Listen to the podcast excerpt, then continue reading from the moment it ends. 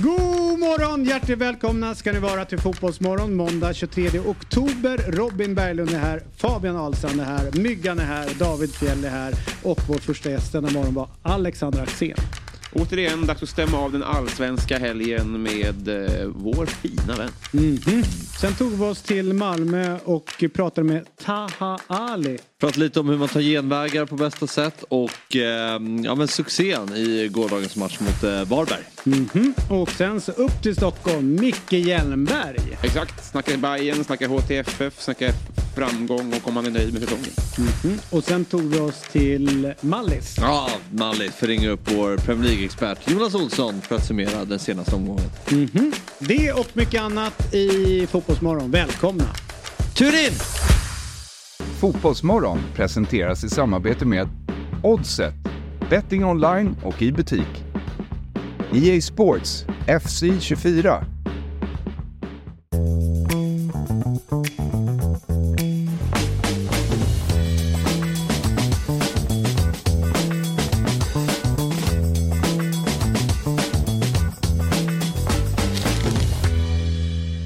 God morgon, hjärtligt välkomna ska ni vara till Fotbollsmorgon. Och här glider han in som en kung, Robin Berglund. Hallå du! Hur är läget? Jättebra tack. Själv? Ja, det är bra tack. Eh, lite grann när du var borta så började jag och Fabbe prata om Robinson. Säsongens Robinson. Mm. Vad tänker du? Om årets säsong? Ja. Eh, oh, ta ett större grepp. Nej men eh, så här långt, jag, jag är försiktigt eh, positiv. Jag tror att det kan bli bra. Jag tror att det finns en risk i att de röstar ut de, eh, Vilka har du börjat gilla? de karismatiska karaktärerna för tidigt. Och det, Ja. Jag förstår ju det, att man stör sig på dem men det kan ju bli sämre underhållning. Vilka skulle det kunna vara? Peder Ja. Eh, och sen, eh, alltså, nu spoilar jag då, men Zacharias blev jag, han rök ju av andra anledningar då. Nej, det är, mm, det är väldigt, eh, det är de snälla kvar. Ja. Jag och eh, Fabbe har ett problem Mm. med eh, årets säsong. Mm. Eller det som sänds nu. Känns det okej för dig att de lägger ut alla programmen på måndagen? Eh, mm, det, det, som, som är mycket mer är att de har pressat in gränslandet mot min vilja på det här sättet. Trycker upp det i ansiktet på mig. Jag tittar inte på gränslandet och det borde TV4 Play respektera. Ja. Vadå, vadå gränslandet? Tittar man i ett svep, tittar på ett avsnitt så, kommer, så borde ju Robinson komma efter Robinson. Men de tänker, du vill förmodligen se Gränslandet. Jag vill hellre se Mandelmans än Gränslandet. Är det så dåligt eller är det inte värt att Nej, jag gillar, jag tycker Ja. det är lite Nej, det är säkert bra men jag har inte tid. Nej. Nej. Nej men eh, I hear you. Eh, jag, jag är ju, det här är så sjukt för att i alla år har jag pratat om till exempel en tv-serie. Mm. Låt mig få avgöra vilket jävla tempo jag vill kolla på den. Ja. Vet så. Eh, och har ju hatat där man lägger ut en grej, ett avsnitt per vecka. Mm. Det är idiotiskt. Just det. Och så gör ju nu Robinson det, man, Ja. det jag har suttit och skrikit om. Mm. Och känner ändå att jag missar någonting utav Det var någonting fint förra året för jag visste att du, jag och du, Mm. vi kommer kolla på det här samtidigt. Mm. Sen är det kanske Mm. du kollar på 00.01 på tisdag morgon. Men vi, har sam, vi ligger i fas med våra avsnitt. Mm. Det är väldigt svårt att prata med folk om den här serien nu. Därför att jag vet inte om du, har, om du bingear på måndagen. Exakt. Eller om du väljer att köra ett per dag Ja, fram nej. till torsdagen. Så att det är svårt att prata med varandra om det här. Det är väl liksom en, en pengafråga. Men det mest magiska, och nu låter jag som David Fjell här. Men det mest magiska är ju när Från 1987. Precis, men när det går 20.00, alltså när alla kollar samtidigt. Så man, man ser äh, genom fönstret att grannen kollar nu. Ja. Ja. Alltså, som, som fotboll är ju så. Lägerelden. Ja. Det är gemensamt. Du vet, vi gör någonting gemensamt. Det är så, det, när stan tystnar för att det är fotboll, matchen pågår liksom sådär. Men är det, inte, är inte det då lite roligt att när, när världen blir allt mer galen så är det nog bara typ fotbollen som eh, håller fast vid det här.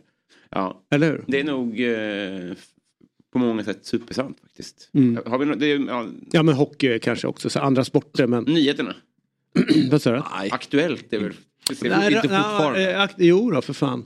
Jag kan säga det att eh, Rapport i synnerhet Ja. är ju en sån här, det får inte flyttas på. Nej, Har ni tänkt på till exempel på TV4 och så, här, så kan ju nyheterna hamna på sjuan eller du vet så här, u- udda grejer när, Ja, det, när, jo, när det är en viktig fotbollsmatch. Mm. Du vet på SVT, vet hellre att helvete fryser till is än att man flyttar på Rapport 19.30. det ska gå då. Ja. Oavsett vad. Sändningen fortsätter i SVT2. Ja, För vi- eller, det- 24, det är eller, nyheten. eller, eller, eller SVT 24. Eller en Risan, Kunskapskanalen. Va? Finns den? Den här eh, VM-finalen får du lösa på annat sätt. Ja. För nu kommer det Aktuellt. Det var de matcherna du kommenterade i VM. De på Kunskapskanalen. Ja visst är det. Mexiko-Tyskland, där satt man och gnuggade. Nej, Sydkorea, Ja. Sydkorea bara. Ja, ni hade mest... Nej men fan jag gjorde ju ändå en kvartsfinal. Och ett väldigt bra referat. Ja, men tack. Mm. Sons mål där. Ja. Underskattat. Men det är klart att det kommer i skymundan när Sverige möter Mexiko. Och det är klart, klart att det var synd att vi som kollade på Barnkanalen och ville se annat och så kom den här matchen. Ja, det var... I hear you. Nej den var ju, eh, det var jävla lustigt för att det var så alla pratade om en match som skulle spelas mellan Sverige och Mexiko. Medan jag och Marcus Johansson var, men vi sitter ju här och förbereder Sydkorea-Tyskland. Men vi fick en väldigt fin match. Ja. Vilken, för mig den, den, den sitter så hårt i mig den där matchen. Alltså. Så att du kollar på den? Nej men jag har ju sett den i efterhand liksom. På SVT? Eller på tysk tv?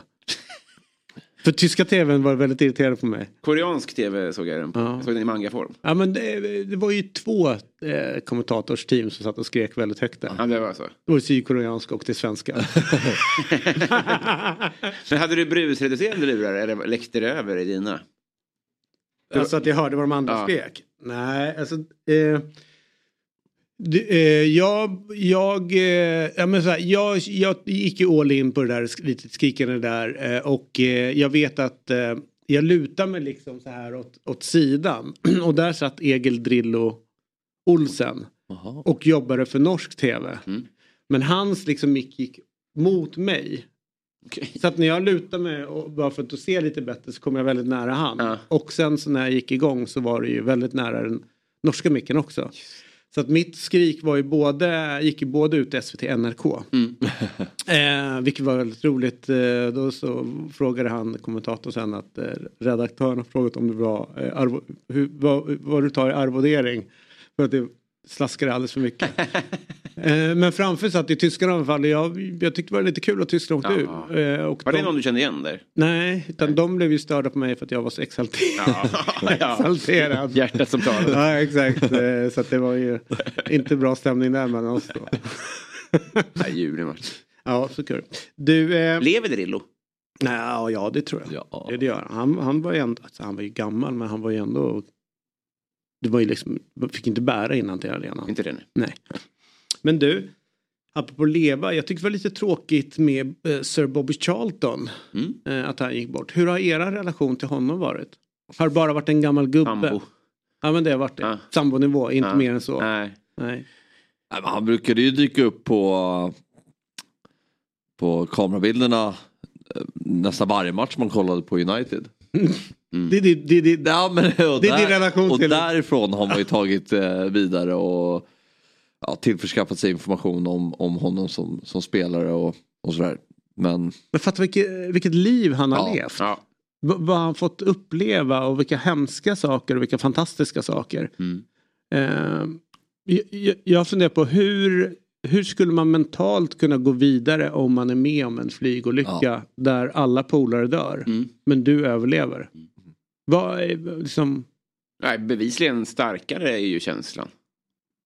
Ja, ja, Alltså i det här fallet så känns det ju verkligen som att ja, till karriären han fick liksom. ja, men jag tänker också mm, hur går man vidare känslor, alltså mentalt Nej. efter en sån grej?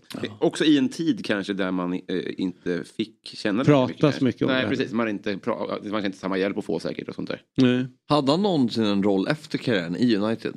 Ja men mer som ambassadör men jag tror Okej, inte han var ja. tränare. Nej, nej träning men, men... han var ju en utav Satt i styrelse och du vet advisory boards och alltihopa men det var liksom inte att han var tränare. Hans brorsa tror jag var eh, Jack Just- Charlton. Mm, just. Var ju väldigt framgångsrik med Irland. 94. Och under, 90 va? ja och hela, alltså inte hela men under 80-talet så blev han ju lite Han var liksom en liten annan typ av förbundskapten. Kanske lite mer laid back och Mm. än eh, de som stod i gympakläder och var, hade fotbollsskorna på sig liksom. Var Mm. redo. Men om inte jag har helt fel, visst är det så också att tröja nummer sju är ju mytomspunnen i eh, United. Man kan ju prata om vilka som har haft dem. Och någonstans är ju Bobby Charltons, eh, är inte Nej, det är bäst. George Best, men var inte han Bobby Charlton hade väl 10? Ja, det kanske han hade. Ja, du har, det är helt rätt. Bra. Men just att sjuan är ju eh, hårt förknippad är ju rätt. Ja. Men var fel spelare. ja, okay. men, då vi, men då går vi vidare. Men den där tröjan han har, är det landslagsdressen eller är det United-dressen? Eh, Det är United ja. det, det, det, har jag ingen aning om för att på den tiden så var de ju var det så mäktigt så att man inte hade någonting på. Nej. Nej. Eller hur? Men det är en Sätter otroligt, du på den röda kläderna så tar jag de vita borta. men det är en otroligt fin tröja. För mig är den där tröjan du vet, Lucia-tåg när man var fem. alltså, det är som ett barn är tomte i Lucia-tåget. Ja. ja. Den vita så tajt också.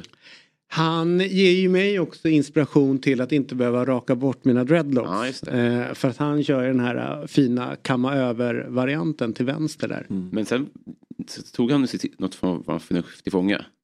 Ja. Men vad tycker du om luddet på sidorna? Nu har han har det här. Ja. Man ser alltid snällare ut. Man ser ofta väldigt, eh, om, om, alltså det blir Ja. Aschberg, det blir väldigt kallt och hårt. Dr. Dio. Så jag, jag, jag tycker det är snällt mot oss andra. Om du skulle börja tappa håret, Ja. skulle, du, skulle du raka direkt eller skulle du göra likt honom? Och Eh, mig? ah, ah, om det jag har kvar här. Nej, om du skulle liksom jobba lite kamma över. Nej, jag skulle nog jobba väldigt mycket clown. Alltså, alltså jobba mycket volym, krans. Mm. Alltså lite, vem ska man ta? Ja, men lite munk. Skulle jag försöka få till. Vem har den sjukaste frisyren i fotbollsvärlden just nu? Uh, gud vad bra fråga. Det här var verkligen, det, det var sjukare förr. Ja. Nu ska ju alla ha fade. Alla ser likadana ut. Mm. Det, det är något nytt påfund som, som, har, som har landat in i Fabbes värld. En fade. Nej, men, Nej, men det känns ju väldigt, det är väl, alltså det har blivit en trend bland fotbollsspelare. Ja, Det är det ju. men om vi ska ge en, eh, en eh, skicka ut liksom lite respekt till en programledar-fade så är det Gusten Dahlin. Mm. Han, eh, han har anammat det. ja, han har ju jävligt fin fade. Ja, alltså, han jobbar ju hårt på den också. men hur ofta behöver, jag har ju aldrig, Jag tror att han kör en gång i veckan. Ja, det är ju de, Ja. det, ja. ja. Den där fejdas på. vet, det där är, alltså eh, barberare, alltså ingen, all respekt, eller ja, lite respekt till de som jobbar med det. Men det är ju ett jobb som inte behövs. För det kommer ju från en tid när det gjorde ont att raka sig själv. Så då behövde man gå till ett proffs som hade olja typ. Nu behövs ju inte det jobbet. Du kan ju, du, du kan ju köpa vad fan som helst på Ica och det gör inte ont att raka sig i ansiktet. Punkt och slut. I den diskussionen. Mm. Det där är bara ett onödigt lyx. Fade, det är snyggt. Eller liksom jag förstår grejen. Men det, är ju, det känns ju verkligen som att det är lobbyorganisationen Frisörer. Som har skapat en Ah. som man måste ta varje vecka. För men att det där, det, nu, pratas ju, nu pratar ju en människa som har sina runda fina hårstrån som blir helt rakt hår och man kan liksom det är inte lätt för, låt säga att jag skulle gå iväg och ratta igång en fade. Ja. Eller en frisyr. Liksom så här, I och med att mitt hår är kanske lite mer eh, strävt, hårt. Vet du, du, du, kan inte liksom, du kan inte få lika fint fall som du har till Nej. exempel. Så måste man jobba med en frisyr på ett helt annorlunda sätt. Och då är det ju att gå dit och fejda upp det liksom. Men att klippa sig en gång i veckan är ju en scam. Ja men det, men det kostar inte två lax. För, för fotbollsspelarna betalar ju 50 000 i- per gång. Okej, Nej, om du går till den här trygga afrikaner så får du den där fejden för 150-200 spänn liksom. ja, men då är det 600 i månaden. Ja, Ja. det är ju inte hela världen. ju. Det är ju vad, det är vad du lägger på, på produkter i håret. På ingenting. ja exakt. Nej, men kanske, jag, jag tror bara att eh, ingen, ingen människa ska behöva, det är min gala, ingen, inga barn ska behöva klippa sig en gång i veckan. Nej, nej, Nej, nej, nej, nej. Men det här gör ju i, ska säga, en programledare på fina TV4 tror jag gör utav fåfäng också. Mm. Ja, Fåfänga. såklart, Ja, såklart. och då är ju en helt annan, det är en annan prisbild när man börjar prissätta en fåfänga snarare än ett behov av att klippa sig bara. Så är det. Jag kommer inte på en enda fotbollsspelare med knasig frisyr. Det är ändå Nej, nej, nej. Det Ja, det är det enda jag har suttit och tänkt Phil på. nu. Foden ser ju knasig ut men det är ju inte frisyren. Men det blir ju lite konstigt med den där fejden han kör. Ja. Han ser ju, han ser ju både cool och lite... Alltså, jag, jag är ju svårt att bestämma om han ser liksom lite så här fjantig ut eller väldigt cool ut. Mm. Alltså, Ålands var ju lite märkligt ett tag när han hade ju svallet. Ja. Men också jätterakat på, på sidorna. Eller? Jag håller verkligen. Det är, det är väldigt eh, konstig frisyr faktiskt. Kan inte du testa Jo, och göra precis som Håland gjorde? S- skarpt snagg runt. Ja. Jo. Börjar inte han bli lite, vad, vad har vi, vi ska ju prata mer Premier League sen eh, lite senare, men vad har vi Haaland någonstans egentligen? För att eh, Mm. jag tycker inte han ser glad ut. Nej. Jag tycker inte han ser ut att det är roligt att spela i City. Vilket mål han gör ändå. Bara smäller. Jo, men alltså, Nej. om man tänker så här. Med den, om man tänker, eh, vi tre är tränare för ett lag och så har vi ett monster Mm. som kan göra precis så mycket mål som helst. Då tror jag nog att vi hade spelat väldigt mycket för att sätta honom i, i, i avslutsläge och göra mycket mål. Jag tycker inte att de spelar för Haaland på det sättet nu. Allt, eh, utan att det skulle typ varit bättre för dem om eh, låt säga att Arsenal och City bytte striker. Jesus tillbaka till City, eh, Haaland till Arsenal. Hade varit bättre. För nu spelar de ju ett spel som tycker jag då är mer liksom passat Agüero när han var där eller Jesus om han har varit där nu än vad det gör med Haaland. Intressant. Eh, det var en känsla jag fick när man såg hans liksom, kroppsspråk och eh, Mm, liksom inte... Om man tänker liksom tidigare så kunde man liksom kanske se en längre boll som slogs på honom tidigt för att han ska men det kommer liksom inte. Nej. Sen tycker jag att City har problem med Haaland. Det är för att han är för dålig i... Eh, för emellanåt så väljer de att ta en längre boll upp. Eh, för liksom att få någon avlastning eller ta en tidig för att spela ur press. Och den bollen måste han vinna. Och han är så pass stor så att han borde vara mycket bättre på att ha den här targetrollen. Ta ner bollen och få upp laget. Man tappar de flesta där också. Så att inte ens det spelet är ju, liksom, om man säger till hans styrka. Ehm, om man jämför med Zlatan till exempel. Du hade kunnat skicka upp vilken jävla boll som helst till honom. Han hade sugit in den. Ehm, och de hade kunnat få upp laget. Så att, jag, jag vet inte hur jävla bra det där äktenskapet är egentligen mellan City och Haaland. Sen så är det klart att förra året så gjorde han sjukt Ja. mål. Men i år så ser det annorlunda ut och det kanske skruvas på det och så vidare. Men Mm. bara en liten här magkänsla när man satt och kollade på det. Jag undrar med honom. Alltså, Pep eller Haaland? nej, Haaland. Alltså, finns det... Kan det finnas ett mått att man blir eh, mätt, att man pikar för tidigt? Att det blir godis hela veckan på något sätt? För skulle han kunna må bra av en skada nästan? Alltså, jag Ja. förstår att det går dåligt i landslaget, men har gått, gått, han har ju redan vunnit. Ja men exakt, Alltså, han har ju vunnit allt, slagit målrekord. Och le- han, han leder ju skytteligan Ja. i Premier League. Mm. Alltså, kraven är ju lite för höga på honom nästan. Jag jo, menar, jo, men eh, egentligen det hade varit rimligt men om han hade haft en svagare start. Ja, ja, men det är inte kravmässigt egentligen. Utan Nej, jag, jag tycker liksom så här, man skulle nog kunna få ut ännu mer mål av honom om man hade spelat på ett annat Ja. sätt. Och det är inte så att City har flygit fram den här säsongen. Utan de har ju Mm. två raka torsk och sen så mötte de Brighton och eh, de har ju inte torskat tre raka sen, jag vet inte vad, 2012. Alltså vet, det är ju sjukt länge sedan. Men det är någonting som har hackat lite grann i, i spelet. Mm. Sen är det ju, ja. Men tror du att man kan... Jag tror man skulle kunna spela annorlunda för att sätta honom tydligare i spel. Om Ja. du kollar i Dortmund till exempel. Mm. Kolla hur många bollar där de tidigt slår den i djupet bakom backlinjen och han är där och han är typ fri. Det är inte många sådana mål man ser med City. Nej. De ligger men- inte så lågt heller. Nej, de ligger Nej, ju det, det är klart de inte ligger lågt och det är en annan liga och sådär. Men de spelade ju för Haaland Ja. i, i Dortmund. Mm. För att han skulle göra sina mål. Samtidigt så tycker jag väl City är väl det bästa laget i världen och veta vilka ytor de ska attackera. Jo, det fattar jag också. Men behöver man en sån striker Nej, då? nej. Det, det är Jag- det som blir... Jag hoppas ju att Haaland blir en sån här flyktfågel som byter mellan klubbar varannan, var tredje säsong. Jag tycker det vore mycket roligare Ja. att han ska bli en Agüero som stannar i City i 10-11 år och bara maler på. Det hade varit kul att se honom i lite andra miljöer och jag är övertygad om att han hade öst i mål i andra miljöer. Men det hade varit kul att se Haaland i Real Madrid eller Barcelona eller ja, men några, några, några andra klubbar. Ja. Mm. Än bara att han bara nöter på i, i, i världens bästa klubb Mm. år Mm. efter år. Eh, Men det är ändå... Ja. För det är alltid kul när alltså, de här världsstjärnorna byter klubbar. Ja. Det, är alltid, det blir alltid en extra puls då. När hände det? När, när gick en världsstjärna senast? Messi. Ja men du menar mellan Europa, stor, Ja, ja, mellan du menar. PSG. Bars- Barcelona, Mm. PSG. Ja. Mm. Det är ett tag sedan ändå. Ja. Neymar. Innan dess såklart. Den också, det är samma. Men det är ju också till PSG vilket är synd. Mm. Det är ju till liksom en... Ronaldos då? men Kane, Re- Real, Real Madrid, Kane, ja, Kane. Kane är där. Mm. Och Real Madrid till ehm, Juventus med, med Ronaldo Mm. får man ändå säga. Ja, en det relativt händer ju, stor. ja, ja, det händer ju ofta. Ja, Lewandowski, Jo. jo. han är ju stor men han är ju inte... Nej. Vi hade ju kunnat göra fler mål än han. Så är det faktiskt. Ja. Vårt lilla Ha. gäng. ja, hur går det för Dortmund?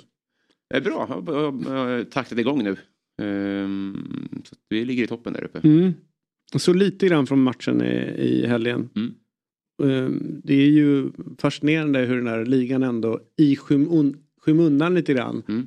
bara rullar på Mm. med sånt jäkla tryck överallt. Eh, och konstiga resultat som man ändå säger på ett sätt. Mm. Eh, och det är inte så givet som man kanske tror på förhand just nu men sen kommer det säkert bli som vi tror att München slutar upp i topp. Det enda som talar emot det är att Harry Kane har gått dit. Att, eh, Han inte vinner. Ja, och att Spurs alltså, alltså det är härligt ju. Mm. Om du skulle säga för de som slår på det här nu och väntar liksom så här, snart kommer Axén. Ja. Men om vi liksom ska köra bra liksom lead in till honom. Mm. För, eh, Axén har ju bottnat i England och, och Sverige och det är många som liksom har Sverige plus någonting annat och det är ja, men, Italien eller engelsk fotboll och sådär. Men du har ju verkligen landat in i den tyska fotbollen. Mm. Så. Vad är det med den tyska fotbollen tycker du som, som kittlar och vad är det med den tyska fotbollen som vi som kanske inte följer den så mycket Mm. missar? Ja. Kanske inte spelmässigt Nej, utan den andra det är- världen. Skit i det. Ja, ja, jag tycker att det, är, att det är en liten dold eh, pärla som är lite uspen med att allting finns där men ingen bryr sig. Att det är eh, det fina med det. Att det är som du säger, publiken, det är... Ja, det är klart att det är... Det, det är lite som det var snack om holländska ligan förut, att, att du vann skytteligan där och tyckte till Premier League och gjorde Mm. två mål. Det är klart att det är lite så. Och, och skytteligan är ju störd och, och resultaten är lite för stora. Men för en sån som mig, som inte kan uppskatta 0-0 match i korthet, så är det ju också härligt med mycket med böljande spel. Ja. Och eh, de senaste åren så, alltså så här, Bellingham och Haaland är väl de bästa i världen nu och de gömmer sig i, i Bundesliga för något, ett år tillbaka. Så att de, de, eh, det är en bra plantskola som liga. Och eh, ja, det, det, är- skytteligaledaren nu har gjort 15 mål på åtta matcher och ingen har hört talas om honom förut. Det är också härligt. Mm. Sen är ju liksom hela, liksom så här, att gå på fotboll i Tyskland tycker jag är en jävligt häftig upplevelse. Alltså Mm. det är inte så som det nästan börjar bli i Premier League nu, så ordnat och, och tyst och städat och sådär. Utan det är ju fortfarande att Det är ju folkfest. Ja, ja eller hur? Det är, Mm. det är väldigt folkligt fortfarande och att man får se verkligen Tysklands olika delar. Alltså hur de kulturellt beter sig och, och liksom vad de har för ja, men matmässigt eller vilken speciell öl det ska Mm. vara eller sånger eller dans eller vad det nu kan vara liksom. Mm. Så är det verkligen så här att Ja. det, den regionens kultur står, verkligen, ige, ja, står Mm. verkligen igenom i, i där. Så det, det är, Det är ju verkligen sant. Det är, mm, ska man slå vakt om. Mm. Men det är ändå, tycker jag, jag har alltid fascinerats över det att det är så få man har träffat som håller på typ Bayern München. Mm. Alltså I Tyskland ja. Ja, eller, Alltså svenskar. Ja, svenskar. Alltså även fast jag vet, Mm. vi är ja, vi är uppfödda med Premier League och det är det populäraste men att så här, Bayern München existerar inte bland Borde ju haft, vi har haft några svenskar liksom, man tänker så här, 70-talet Ja. som var nere och spelade och, och gjorde det bra. Eh, och vi, jag menar, sen i och för sig så hade vi ju eh, när, när eh, Kaiserslautern, tror jag säkert det är liksom äldre generationen, Ja. så finns det några som håller på Kaiserslautern bara Ja. för Ronny, Ronny Hellström liksom. Tror ni svenskarna har samma pullfaktor på barn som det var när vi var små? För då var det väldigt mycket att man, he- man hejade på Liverpool för att Hysén var där eller man hejade på Leeds för att Brolin var där. Nu är ju inte känslan att så många... Alltså, jag tycker, Mbappé har ju väldigt mycket mer... Eh, får, får, får fler kids att heja på lag än Ja. vad Håller på individen. Isak får, tror jag. Ja, ja så är det. Ja. Ja, den där är provocerande. För Ja. Jag har ju min, min sons och dotters surr om olika lag. Mm. Så är det ju spelare. Ja. Och så försöker man säga så här, "Fast sluta, sluta heja på spelare, Ja. börja hålla på lag. Men det flyger över huvudet. Men vad tänker de om svenskar då? Är det viktigt? Men de är, om man är stor. Alltså det, det, är ju, det här är ju verkligen stora namn de går på. Du Mm. vet så här, Mbappé, Så nej. Mm. Ja, men, ja, ja, du är ju den moderna fotbollskonsumenten. Mm. Så. Men Gyökeres då? Har han... Eh, Nej. Nej, det, Jag hörde att han, han, han tredubblat på tre månader. Typ, Ja. där. Det är ju... Men det har det gjort så. Men för en unge så liksom så här Sporting Lissabon är ju inte. Nej, de vill ju se. Alltså det, är- det är hela den här. Det, det är som någon form av. Eh, ett kretslopp som snurrar runt där med, med fotbollen. Där egentligen det vi tycker är viktigast. Fotbollen är det minst viktiga för kidsen. Mm. Utan det är ju liksom. Vad får man, vad får man ut för information på Playstation? Vad Ja, finns det för exakt. fucking jävla packs att köpa? Mm. Eh, vad sitter det för människor på YouTube och pratar om det här och så vidare. Och så bygger de upp namn och, och så kollar de på skills och vet, Ja. finter och så vidare. Men de glömmer den lilla, lilla detaljen som man tycker är lite viktig. Kolla på matcherna. Ja. Alltså nej, Det, är liksom, det tar för lång tid.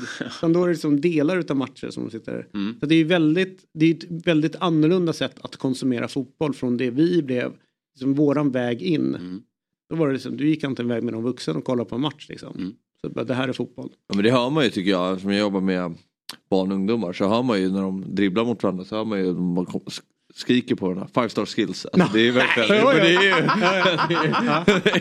det är ju... verkligen... Eller du vet så här sjuka kommentarer som vet så här, helt plötsligt så kan en match stanna till. De bara Uff, rainbow flip. Man bara, fast sluta inte spela för att någon gör en fint. Det kan inte. Står du på djupet har man också pace. Kryss höger upp. Trekant. Ja, är det runt? Ja, förstår du så här en typ som en, en 70-talist i det här läget. Så det är ju syntaxerror uppe i huvudet Ja, på mig. ryka, ja, jag bara står och kollar, vad fan är som händer? Varför slutar alla spela fotboll för att någon har gjort en fint? Ja, jävla hubbotar. Ja, och då är det så här, åh snyggt, snygg fint där borta. Men som alltid, det är ju, hela livet är ju så här, ska man, eh, om man anpassar sig för mycket efter vad kidsen gillar, då blir man ju Peter Sipen eller något. Ja, Alltså, du fast han har ändå lyckats med det.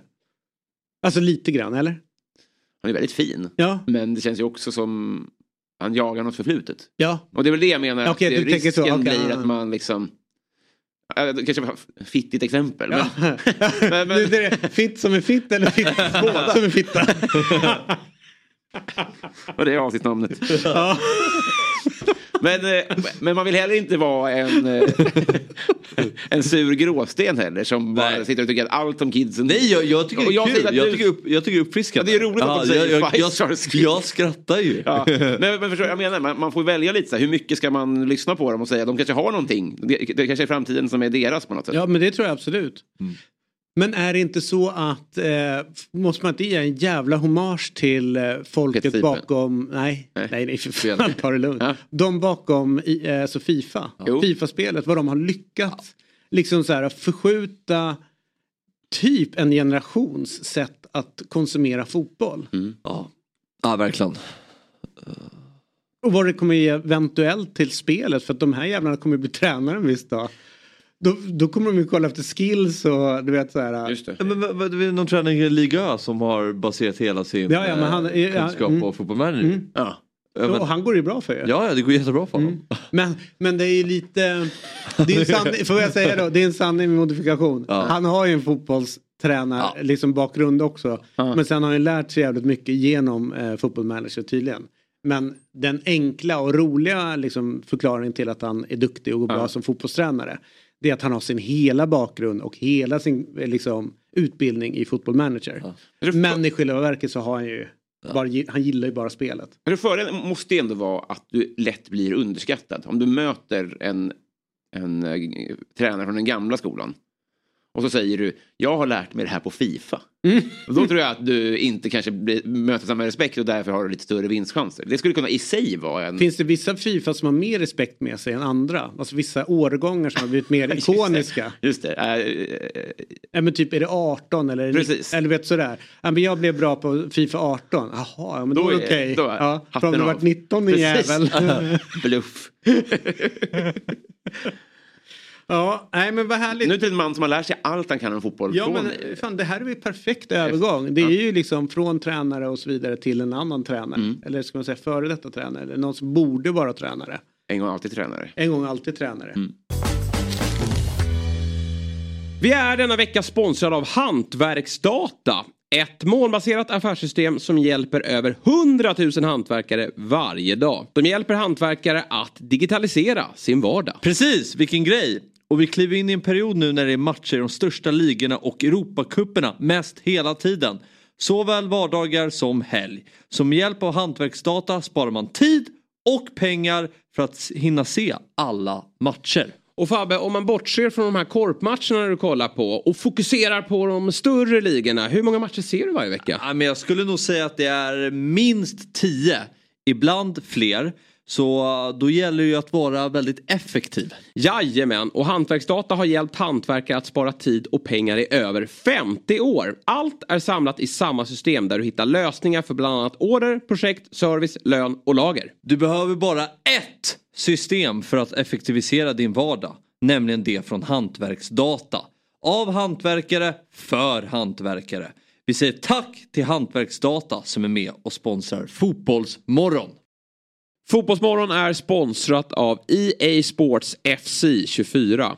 Hösten är igång på riktigt nu Axel. Vad tänker du på då? EA Sports FC 24 är nämligen här och det nya kapitlet av The World's Game. Glädjen är här Axel. Ah, Okej, okay, men du tänker så. Samtidigt så vet du ju ändå någonstans att dina barn kommer ju vinna mot IFC 24 snarare än du tror. Ja, så kan det ju definitivt bli vad det lider. Men just nu är jag faktiskt vassare. Så låt mig leva på de villkoren så länge det varar. Okej, okay. men eh, ska vi ta en match då? Vi kör AIK båda två och så möts vi på exakt samma villkor. Ja, mer än gärna. Jag som trodde att den stora glädjen redan hade kommit, men då ligger den ju framför mig. Eh, det ska bli väldigt fint att slå dig, även om det kommer bli konstigt då att tvåla dit Gnaget. Jag kan säga att jag har hunnit öva en del, redan slagit myggan till exempel och dina sparringspartners är ju inte så bra säger du, alltså dina kids. Nej, vi får se hur det blir. Det fina med EA Sports FC24 är att det har rättigheter för mer än 30 ligor där givetvis då allsvenskan är inkluderad. Eh, så finns även eh, Premier League, eh, Serie A, La Liga, Bundesliga, Champions League och många, många fler. Mm. Allsvenskan är dock det enda som betyder någonting för mig Jesper. Ja, vi kanske ska se till att mötas med några Champions League-lag också. City mot Real Madrid kanske. Mm. Ja, vi säger så. Och vi säger tack till e Sports FC som är och sponsrar Fotbollsmorgon. Vi har med oss eh, mannen från Rynninge. Han har bäst koll på fotboll och dart. Han har den säkraste utav stilar i Sverige. Ja. Och eh, är ju en utav de få som får en gata att stanna upp. Nämligen Alexander Axén när han kommer glidande. Jag noterar att du är i Malmö nu va? Eller har du, eh, nej du var i Malmö. Hur, eh, hur är folket mot dig där nere i södern? Det var väldigt trevligt igår efter matchen. Det är såklart, eh, de vinner med 5-0 och sådär. Men vi satt åt på Lilla Torg och det var jävligt många som kom och sa att jag var för hård mot Fabbe hela tiden. Så det verkar som Fabbe är någon form av någon jävla hjälte i Malmö. Att, eh, ja, jag sa jag skulle tänka på det, men jag lovar ingenting. Jag förstår. Vi satt och pratade lite grann om eh, fotbollstränare här. Uppfattar du någonting nu eller? Vad, vad hittade du din inspiration eh, när du var liten? Var det football manager eller var det Fifa eller var det någonting annat?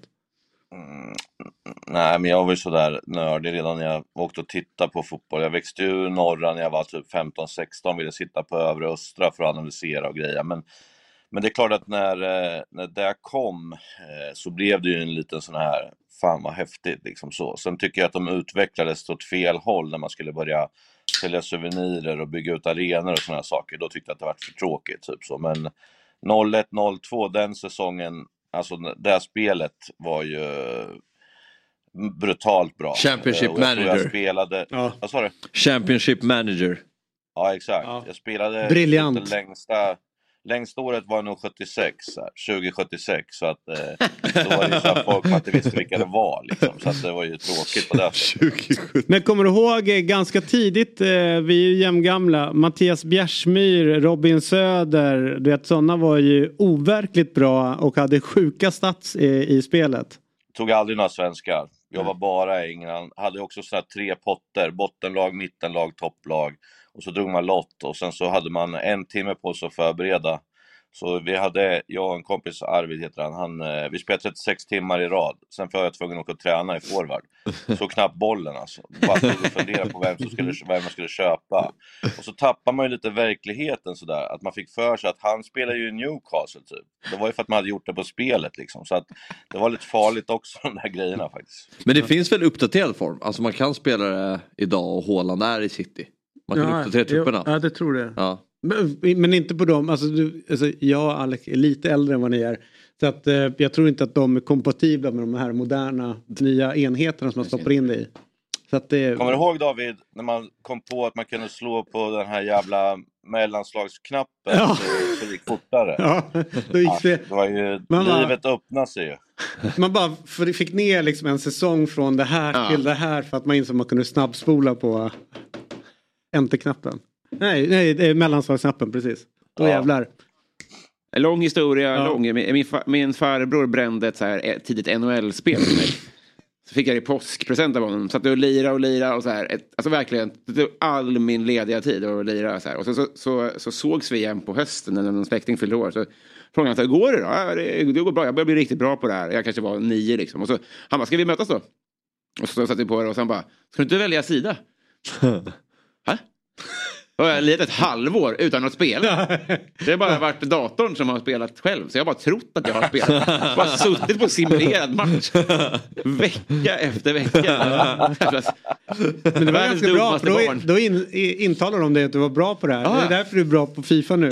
Han frågade när du, när du skjuter, skjuter den då? Och jag bara, ja ibland. Alltså inte alltid såklart, det är omöjligt. Nej. Hemskt. Ja det var ehm, ändå härligt nu att, de, eh, att du har kommit in eh, och, Nu och jag har blivit så bra på det Ja. nu på äldre dagar. Men du, eh, så här, innan vi börjar prata om matcherna igår. Eh, vi ska ju givetvis gå igenom toppstriden. Spännande. Eh, och. Det är klart det är spännande. Ja, ja. Om både Häcken och Malmö vinner. Ja, ja, jag lite spännande. entusiasm. Ja, för ja, nej, jag-. Ja men Det- lite, vad, vad, vad håller han på med? ja, ja. Toppstriden, kom igen nu. Ja, ja. Gör så. Va? Där har vi det! Bra, äntligen. Eh, och sen så eh, börjar bli en ganska ointressant eh, bottenstrid eller, säger jag då eh, med ett litet frågetecken till Mm. Axén. Men först bara.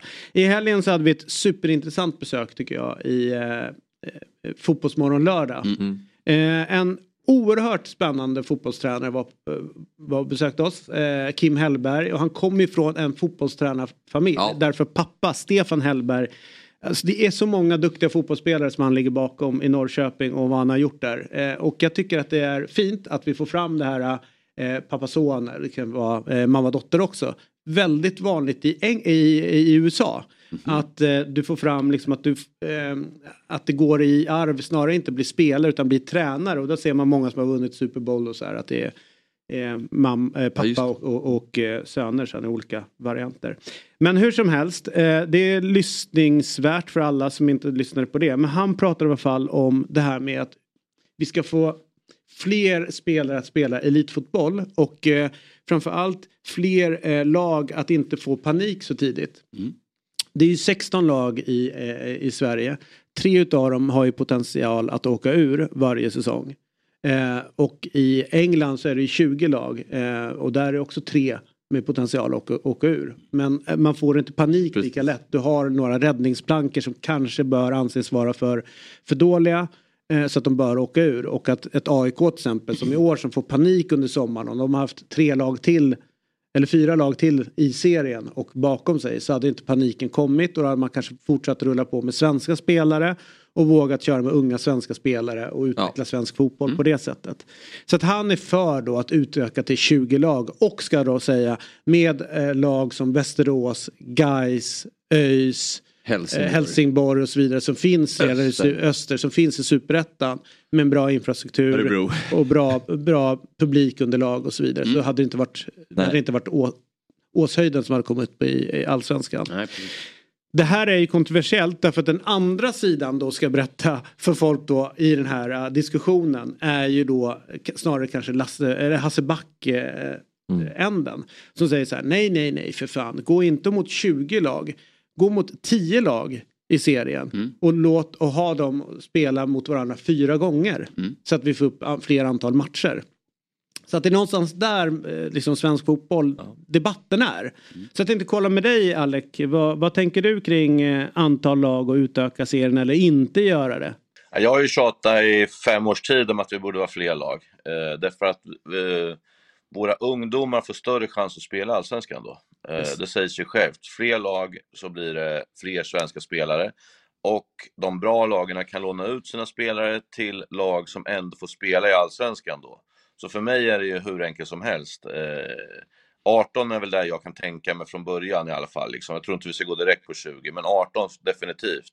Och det gör, tror jag, att man inte köper in massa utländska spelare för att hänga kvar bara. Utan då har man, som du säger, en liten buffert att jobba på liksom.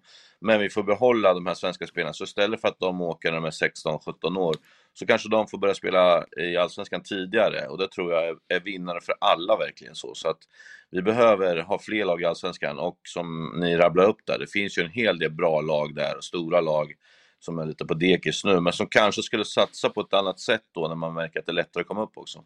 Så du anser att det är mycket bättre om man skulle minska antalet lag till tio och köra flera gånger? Alltså att man möter varandra fyra gånger till exempel?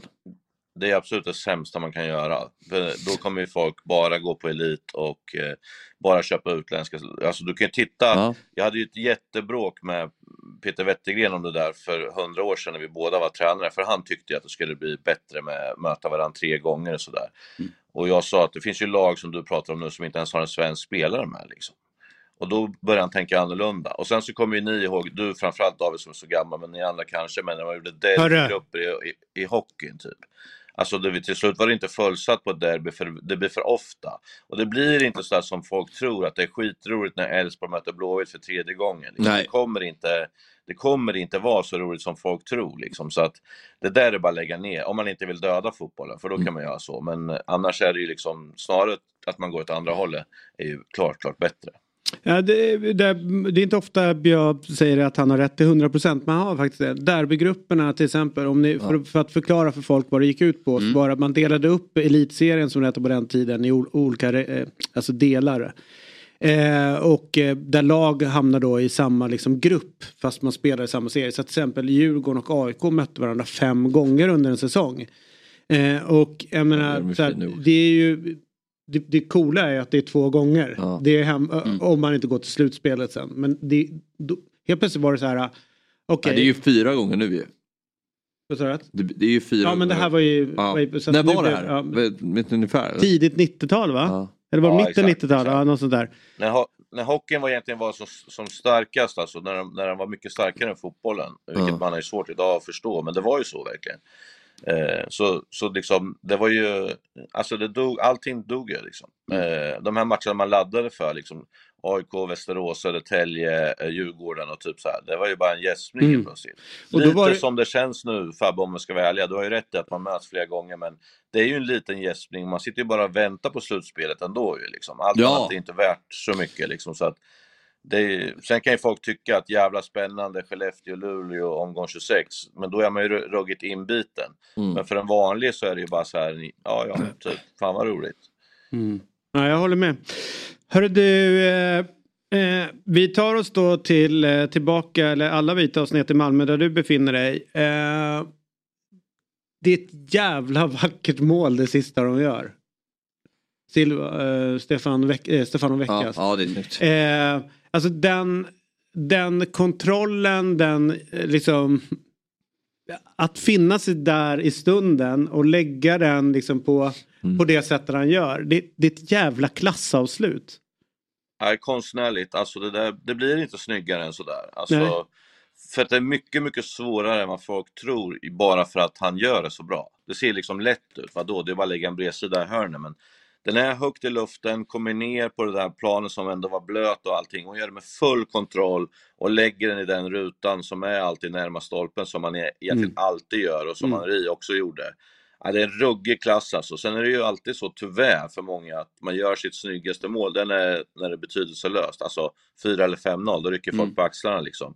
Men gör han det där till 1-0, då är det ju liksom som du säger, då hade vi pratat ännu mer om det. Men ja, det är ruggigt snyggt gjort, alltså den kontrollen och allting. Alltså helt utan chans för målvakten också i ett, i ett läge som är, den där, alltså 6 av 10 skulle jag säga skjuter den där 20 meter över liksom. Mm. Jag tyckte bara man kunde se lite annat på Malmö igår generellt. De var lite rakare. Tror du tror du vi kommer få se det under de sista omgångarna också? Att man kommer vara lite, frångå lite sin spelidé och vara lite mer rakare och direkta. Var de så mycket rakare igår tycker du? Ja men det tyckte jag. Sen kanske Ja, det var, om. kanske Varberg som bjöd om, bytena. Men, men de har ju inte omställningsfotbollen, det märkte man ju. Så fort Nej. de liksom kontrar en passning och sen en passning till, då, då springer ju alla där bak och väntar att man ska börja om. Och det är Ja. rätt så roligt i Malmö-publiken. Alltså, De så buade ju där, eller hur? Ja. Så fort de vänder hem och spelar hem dit, folk blir tokiga alltså. eh, Så det där är ju nästa utvecklingspotential för Rydström, är ju att ha en mix mellan lite rakare och sen ha det här. Och Var så det- säger jag ändå att han, är, han det- ändå gjort rätt som, som började i den här ändan. För att börjar man som Elfsborg gjorde så är det väldigt svårt att gå tillbaka till att nu, ska vi ha lite possession och sånt. Utan jag tror att det är bättre att börja possession-riktat och sen gå till rakare. Jag tror det är lättare.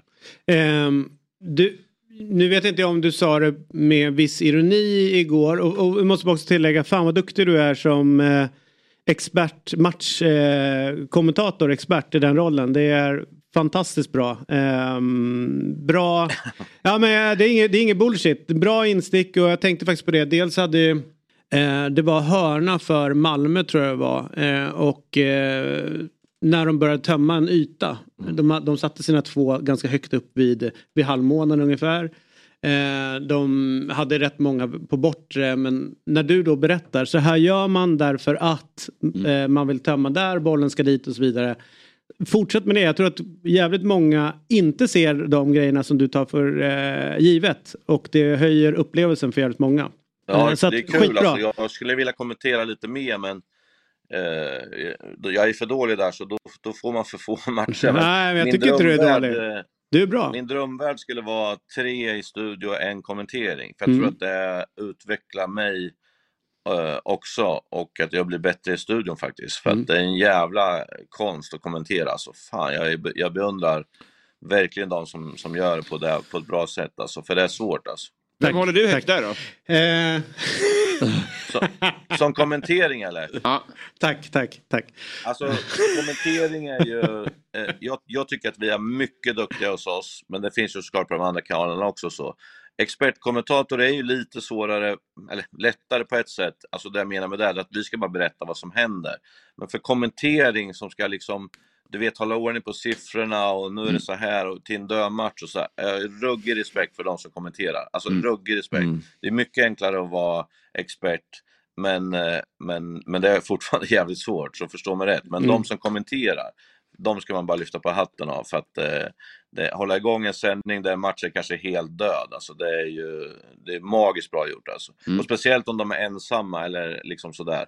Det, de, de, de ska jävla alltså. De som har det svåra jobbet om man ska hårdra det, det är ju de som sitter och kör superettan själv. Mm. Eh, utan någon hjälp överhuvudtaget. Och få det liksom att, att snurra. Ja, ja, ja. Eh, att köra eh, eh, liksom ett Stockholmsderby eller Malmö, Göteborg eller ännu Premier League eller så. Då, blir, då får du hjälp av allting runt omkring. Mm. Men det är stora grejen att ta en, fan vet jag, eh, ta Jönköping mot några andra och mm. bara båda är klara.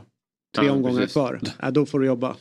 Så enkelt är det. Och allt, men, det är ingen, ingen extra bilaga om den matchen heller. Nej, nej, och nada liksom. Och de, sitter, och de som sitter och kollar på det, och det här som är så sjukt, de som sitter och kollar på det är ju sjukt intresserade. Ja, det, det så bara... du kan ju inte gå dit och riva av den utan du måste ge dem då till den nivån de förväntar sig, den matchen. Så att det, ja. Vilken mardröm. Ja, jag tror du ser att de som kollar på den har den då mute. Ja, jag kollar på chilenska kommentatorer. Men däremot, eh, igår i matchen i alla fall, så, eh, så säger Alex här att eh, för att Malmö är på väg framåt.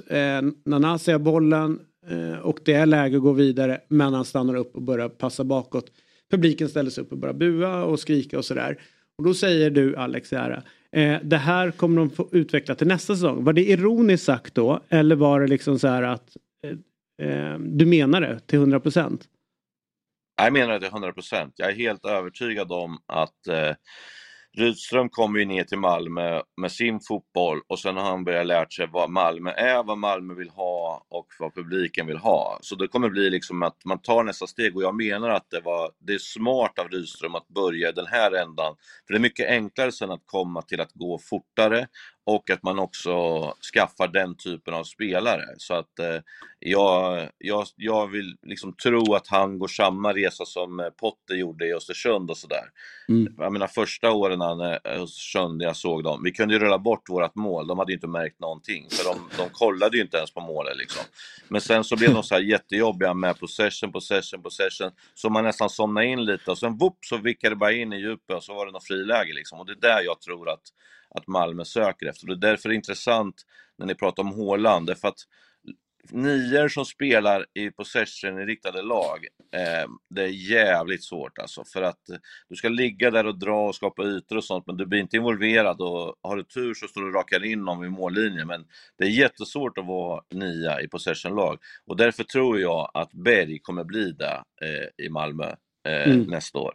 Eh, för att de behöver den typen. Men de kommer också titta på att gå snabbare, lite rakare. För det behöver man, speciellt om de är i Europa sen. Men, Men det, jag, måste jag, City är ju inget possession-lag. Ja, jo, det, jag tycker att de har väldigt mycket. Eller kontroll. Han vill ha kontroll. Ja, kontroll. Ja, men det är väl... Det är, Men, väl, det Ja, är, men herregud, det är väl potato med potato för fan. grejer? Herregud. Det är väl eh, bara... Ja, det, det är väl bara hur Men de man är väl det uttrycker första det. laget som gör, om de, om de kan göra mål på inspark så gör de ju det. Alltså, om de trycker en längre på inspark och de tror att det är störst chansen att göra mål så gör de ju det. ja, fast, De är ju väldigt raka och direkta också. ja, fast det, det, största, alltså det, det, han, det enda han pratar om hela tiden det är att han ska kunna kontrollera matcher. Ja. Men det är ju klart att någon gång så gör han det och det har han ju utvecklat. Men att han försöker ko- kontroll, men- kontrollera. Eh, eh, Jag menar fan, jag, det, det är väl ganska lätt att se. Jag satt och kollade på Juventus-Milan igår. Det var jättestor skillnad med att vilja behålla bollen, att, att liksom kontrollera matchbilden. Mm. Så det vill bli absolut så jämför med Allegri och Pep så kan vi absolut säga att Pep är en possession-spelare. I, det, i, den, i, det, I den relationen däremellan men inte med Denise till exempel. Nej. Så att det är ju liksom beror på Nej, vad man jämför eh, med. David, du glömmer ju nu att Fabbe har ju träffat Lagerbäck och Norling och de här. Han har en helt annat vokabulär än vad vi Ja, har. jag Det är fattar. en helt annan grej liksom. Ja, nej, vi, Ligger man, inte, ligger man inte över 70 så är man ingen possession-lag, utan har man 67-68 då är man rak liksom. Så det är inga problem, vi kör på liksom. Ja, Okej, vi, vi håller det. Men då, all right, tillbaka. Eh, det var ju två coola mål vi fick se. Dels var det ju Vecchias. Mm. Du måste du kolla. Ja, jag Ja, du har gjort det. Vad är bra. Rosengren också. Ja, vad bra. Sen har vi Rosengrens. Det där skottet. Fan vad fint det är med långskott. Som inte Varf- går i krysset. Ja, som ändå... Ja, som bara dyker ner. Ja. Ja, men- underbart. Man älskar ju det alltså. Vi, vi skjuter ju för lite i svensk fotboll. För sådana där mål, alltså, det är så jävla coolt alltså. På tal om tysk fotboll Robin, då kan jag fatta att du gillar tysk fotboll, för där skjuter de ju stenhårt alltid liksom. Men att eh, Rosengren, jättebra inhopp, jätte, har liksom verkligen utvecklats tycker jag på den här korta tiden han har varit i Malmö ändå. Och just som man kommer in och tar skottet där, det visar att man inte är någon blyg kille från Listerlandet som bara är där och, och tittar på alla spelare och de är så bra och sådär. Utan han tar ju verkligen för sig, för det är ju ett långt i- ifrån han skjuter. Sitter stenhårt i hörnet typ. Ja, jag, jag tycker han, jävlar vad bra han kommer bli alltså. Mm. Apropå långskott då som är, vi är lite svaga för här i studion. Mm. Vad har vi för i långskott som vi minns från allsvenskan genom åren? Ja, från Allsvenskan. Alltså jag är såklart som AIK, Milosevic har ju, har ju någon, Ja. någon sån monster från typ halva halva. Ja, det. Men det är lite för långt nästan. Ja, men det är ändå tycker jävla smäll ja. alltså. Men jag tycker inte att det här är omgångsmål. Jag tycker ju... eh, Ja, men nu ja. pratar vi bara långskott. Ja, ja, alltså, för, Eh, för grejen är att man kan argumentera Sigurdsson för... Ja. Sigurdsson Men det är har vi inte också. heller, jag är inte svag för dem. Men så bara säga, för det som jag tycker är konstigt med, med tanke på att bollarna har utvecklats så mycket, om man säger så här på fasta så kan man ju få den här konstiga bollbanan. Eh, och med mer tillslagsträning och allt Ja. vad man gör och så här. Det skapas sjukt mycket lägen för spelare att ta skott utifrån. Alltså det gör ju det. Bilal Hussein säger så här, jag borde skjuta mer när han gör målet borta mot Sirius. Alltså, det, jag, jag lovar er att vi kommer att se fantastiska mål med tanke på att bollarna får den här konstiga bollbanan också. Så ni igår också, eh, det är ju ett skott som Varberg drar. Det är ganska långt utifrån, killen har ett bra skott. Den går mitt på Dia- Diawara men den har så konstig liksom bollbana så att han får nästan i panik bara slå bort den. Och det är inget speciellt skott han får iväg där. Så att mer skott, absolut, Men jag- de här bollarna. Jag tänkte fråga dig Alex om det. För min känsla har verkligen varit att inte bara i allsvenskan men att när jag var liten så var det mer långskott. Och att min gissning var att det bara var en kollektiv överenskommelse bland tränarna så här, att det är inte värt det. Att vi har siffror på det. Alltså, Ja, exakt. Finns Jag det tror någon det- sån det- sanning det- i det? det- det är För lätt när det det blir är. mål, då är det bara jag borde skjuta Ja, men, mer. men jag tänker, man mål miss- är en sak men det blir retur på, på skotten eller att man också så här till motståndare. Så här, ni, kan inte bara backa bak och, och, och släppa oss för att ta skott härifrån. Alltså det blir, det händer något. Nu vet man ju så här, de kommer inte skjuta. Vi kan nej, låta dem ha bollen Men jag tror ute. precis det Robin säger. Fotbollen är så mycket mer datadriven idag. Man pratar om vilka ytor man vill åt. Och då blir det att man kör på det. Eh, och det blir mindre oförutsägbara situationer. Mm. Fotbollen blir mer förutsägbar. Eh, och, Tråkigt. eh, Vi, ja, det blir så. pratade, vi, vi pratade om det i våran podd, Fans Corner där. Eh, Det var en som ringde in och sa också precis det här ni sa nu, för jag tror att det var förra veckan eller någon veckan innan det. Att varför skjuter man så lite? Och, och kan, vi kan ju vara ärliga och säga då till en aktiv tränare. Fabbe, hur många gånger skjuter dina spelare på träning? Och framförallt utifrån straffområdet? Ja, exakt, noll gånger. Du behöver inte, jag ser på ditt huvud att du inte fattar någonting vad jag Jo, menar. jo. Men man tränar ju för lite på det också. Ja. Och grejen är ju så att när jag tränade avslut så visste man så här, eh, 85-90% av målen görs innanför golden zone, alltså med i straffområdet. Då tränar man ju också avslut där. För att om jag säger att det är där målen görs, då blir det konstigt att skjuta utifrån. Ja. Men jag hade distansskyttar i mina lag som Marcus Pode, Martin Broberg och sådana här. Som, som jag definitivt ville skulle ta de här avsluten. Men då måste jag ge dem chansen att träna på det också såklart. Så att, eh, eh, för mig är det extremt, extremt viktigt att, eh, att träna på det. Och då blir det ju liksom, lite som du säger Robin, man måste liksom, alla kan inte göra det. Utan det måste kanske vara eh, de som har det tillslaget, men de måste få träna på det. Liksom. Mm. För att då blir det lite som ni var inne på, att när du kommer drivande och jag vet att du har ett jävla skott, då måste jag fram och pressa där. Men om du kommer och jag vet att du aldrig skjuter, då står jag kvar och bara täcker ytan. Liksom. Så att distansskyttar, det är ju ett, ett måste. Men så hör jag dig eh, David också, att ni är fyra lag på en plan och sådär. Alltså hur ska, det, hur ska man någonsin kunna Mm. skjuta då? Liksom? För att jag är förbannad på att spelarna inte har tillslag ens en gång när de Ja. kommer upp till mig i A-laget ibland. För de kan inte ens slå en cross, de kan inte ens slå liksom ett hårt liksom, tillslag för de har duttat med konstgräs på, på, på ledden och det liksom bara ska spela upp mot hur man ska, man ska träna på hur man ska spela upp mot en, två eller tre får. Alltså, man använder ju inte benen på det sättet liksom, som man gjorde förr tycker jag. Kul också apropå skott, kommer ni eh, ni som har sett Beckham-dokumentären? När det var eh, straff hörnorna. eller hörna och rätt sådana saker. Så var, var du inte nervös? Alltså, det är ju Champions League-finalen. Finalen. finalen. Var du inte nervös? Alltså, det, det, mm, ni ligger under, det är snart slut och. Så, nej, alla timmar han stod när han var liten och övade tillslag med sin farsa. Så tänkte han så här, jag har gjort det här tusen gånger, jag ska bara göra exakt så. Alltså det här muskelminnes och repetitiva som dyker upp.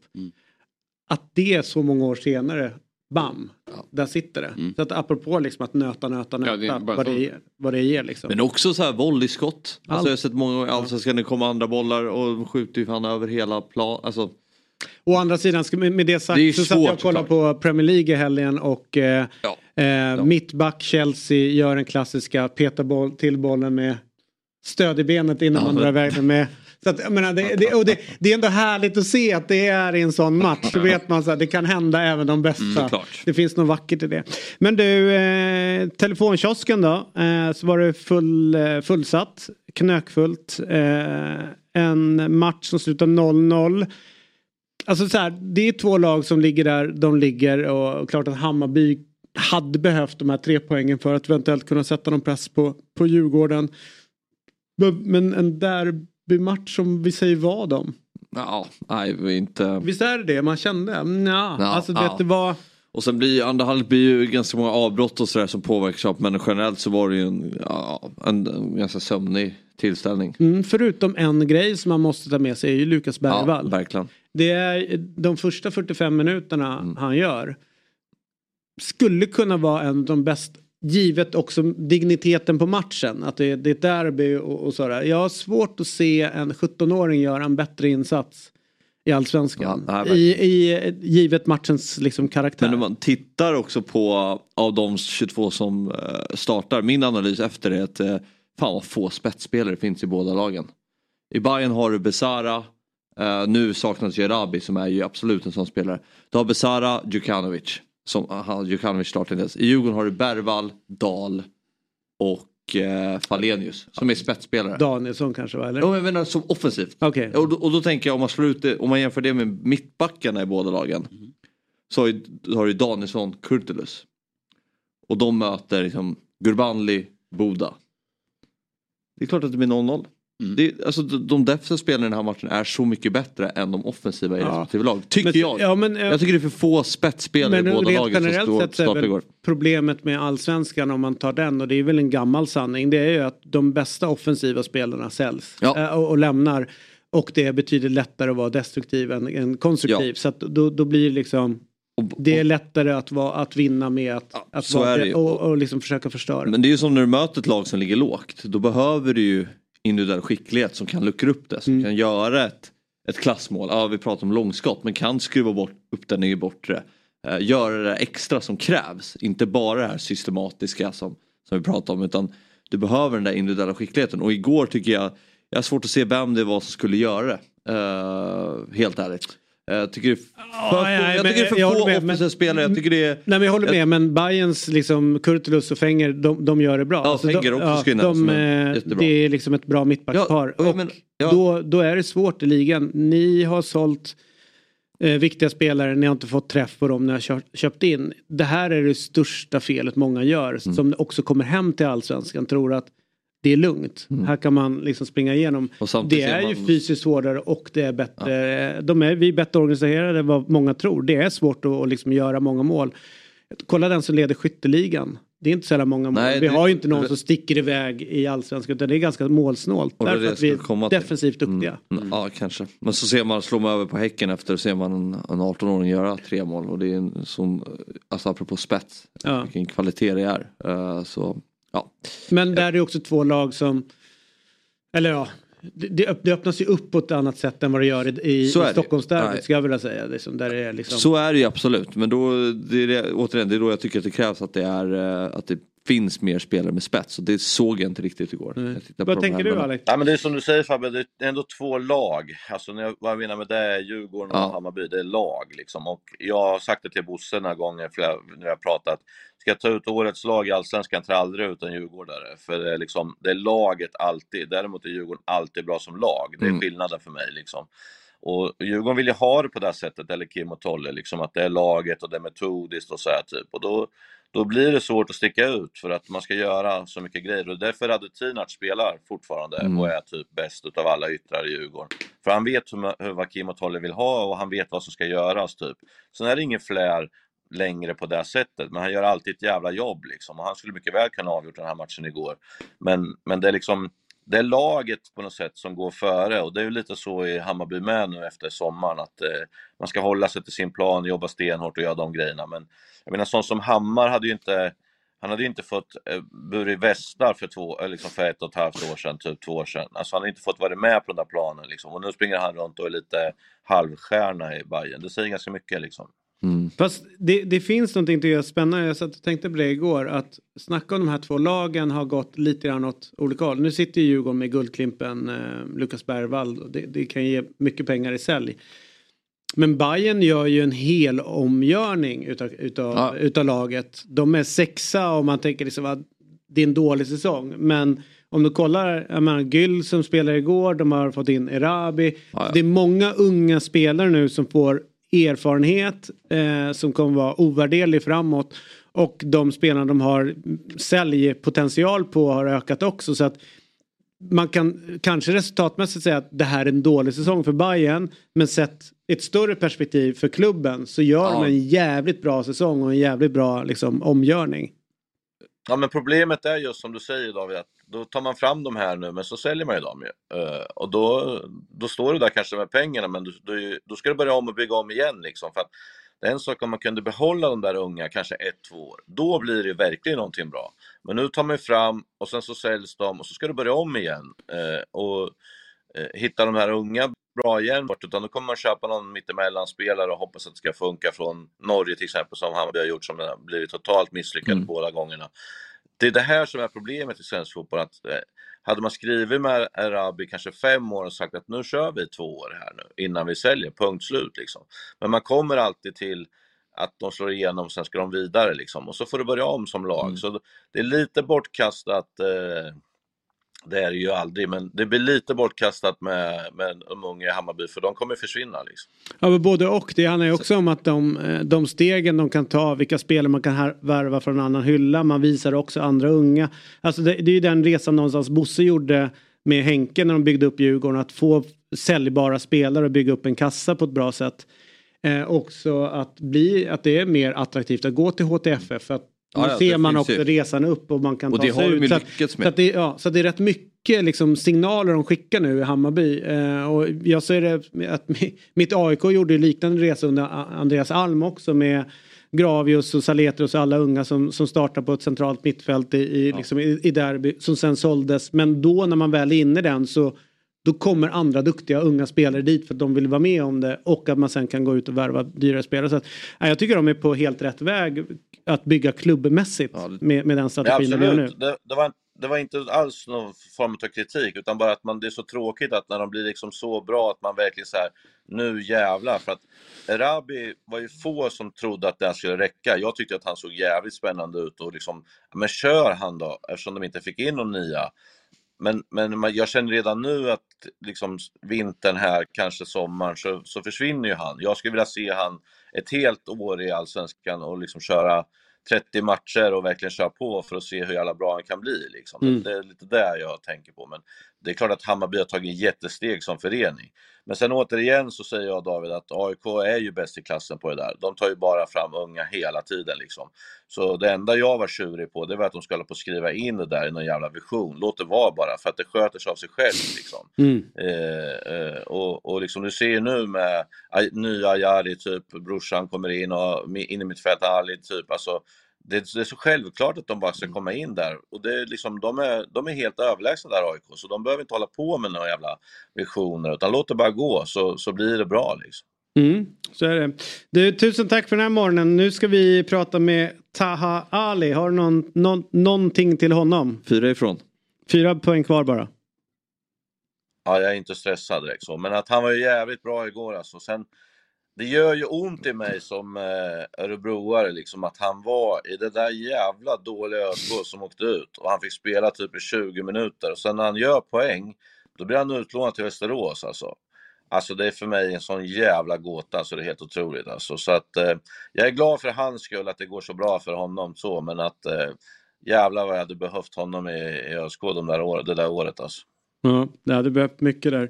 Hörru du, eh, tusen tack för den här morgonen. Du gör ett jävla jobb för svensk fotboll och för svensk dart. Eh, ha, ha det så bra vi nere i Malmö. på. Ja, vi kämpar på. Där fick du till en bullseye. Ja, vi kör på Ja, det. ja, ja, hej. Hej då. Hej, hej.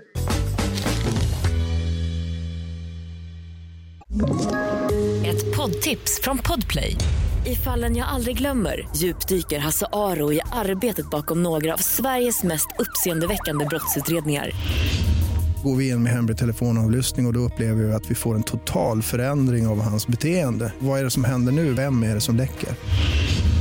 Och så säger han att jag är kriminell, jag har varit kriminell i hela mitt liv men att mörda ett barn, där går min gräns.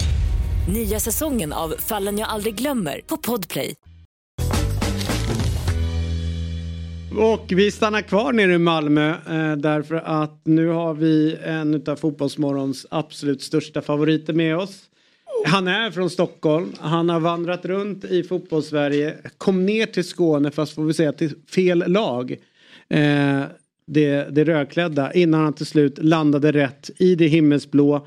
Och jag ska säga det, ta, vilken trevlig pappa du har. Vi kollade på fotboll tillsammans med honom, jag tror det var matchen mot Degerfors. Eh, han var, BP. BP var det, mot BP. Han var väldigt eh, stolt över din, din insats. Hur mycket följer han din fotboll? Eh, tjena. Eh, men, eh, han följer konstant faktiskt. Jag tror, tror det, just de senaste två åren har han kollat nästan varje match. Så, nej, det, är, det är mycket kärlek faktiskt. Ja, men så är det ju. Hörru du, vilken jävla match du gör igår.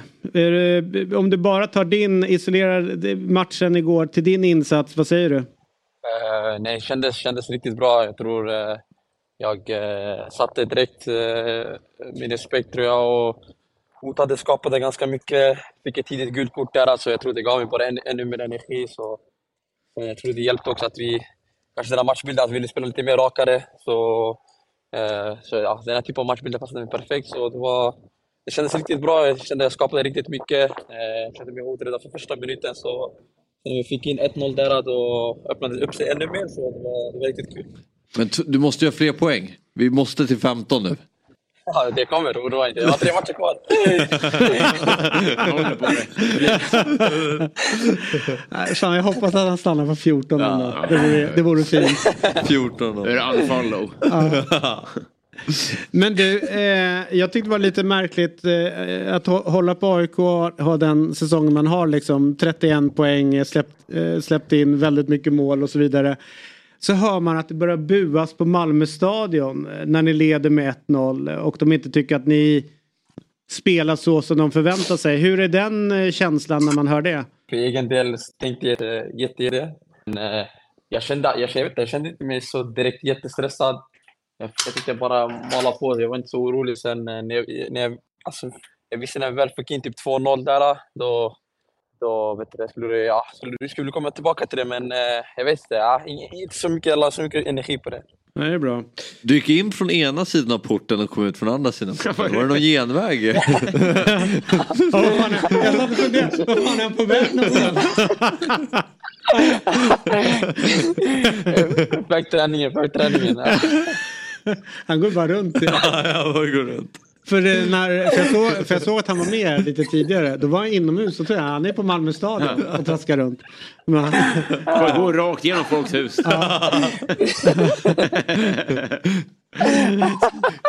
ser man bakom. Stanna, stanna!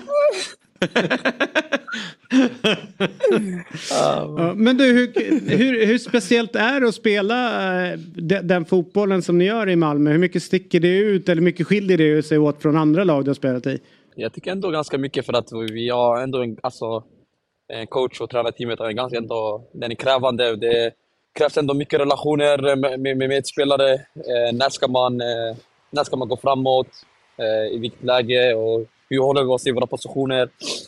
Sen, eh, jag tror också nu när vi är inne så här långt in på säsongen förstår man varandra ännu mer. Eh, beroende på vem du spelar med och så. så man förstår varandras styrka och försöker använda det mer och mer. Eh, men jag tycker den är ganska krävande. Jag tycker vi, vi, det är ändå speciell fotboll. Det är inte så som fotboll som alla lag i serien spelar. Men, eh, men riktigt rolig. Har du några, nu är det ju dag efter match och framförallt dagen efter vinst. Har du några så här njutrutiner? Har du, så här, du måste äta en Ben Jerrys eller att det är mysbrallorna på eller bara gå igenom ett par portar bara för kul skull. Eller något sånt där.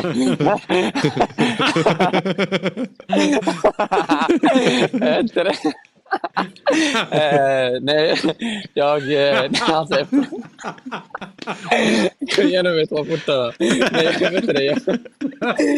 Nej, inget särskilt så. Alltså, jag, jag går hem, ringer Facetime kanske fa- familjen, eh, spelar lite Playstation, typ lite så. Typ. Eh, kollar om min match. Eh, inga, inget särskilt så. men Jag hade ju familjen över till den här matchen, så farsan och lillebrorsan var ju här. Så, så chillade lite med dem, så det var nice. Fan vad trevligt. Ja. Men du, när du spelar Playstation, vad spelar du då för något? Eh, Call of Duty. All right. Jag- blir sjösjuk utav det. Men du, ehm, toppenstriden då. Vi, vi, sitter utifrån tycker att det är sjukt spännande. Ni är på 58 poäng. Elfsborg mot AIK ikväll. Eh, Då måste vi väl ändå känna lite grann för mitt kära AIK en match som denna, eller hur? Eh, jag hoppas på AIK Ja, tar någon ser poäng efter det. Ja, ja, nu jävlar är det bra snack här. ja, men vad tror du? Hur, liksom, hur känns stämningen? I, i, för ni har ju liksom haft lite onödiga poängtapp får jag ändå säga. Eh, som gör att ni har hamnat i den här situationen. Men, men hur går snacket internt?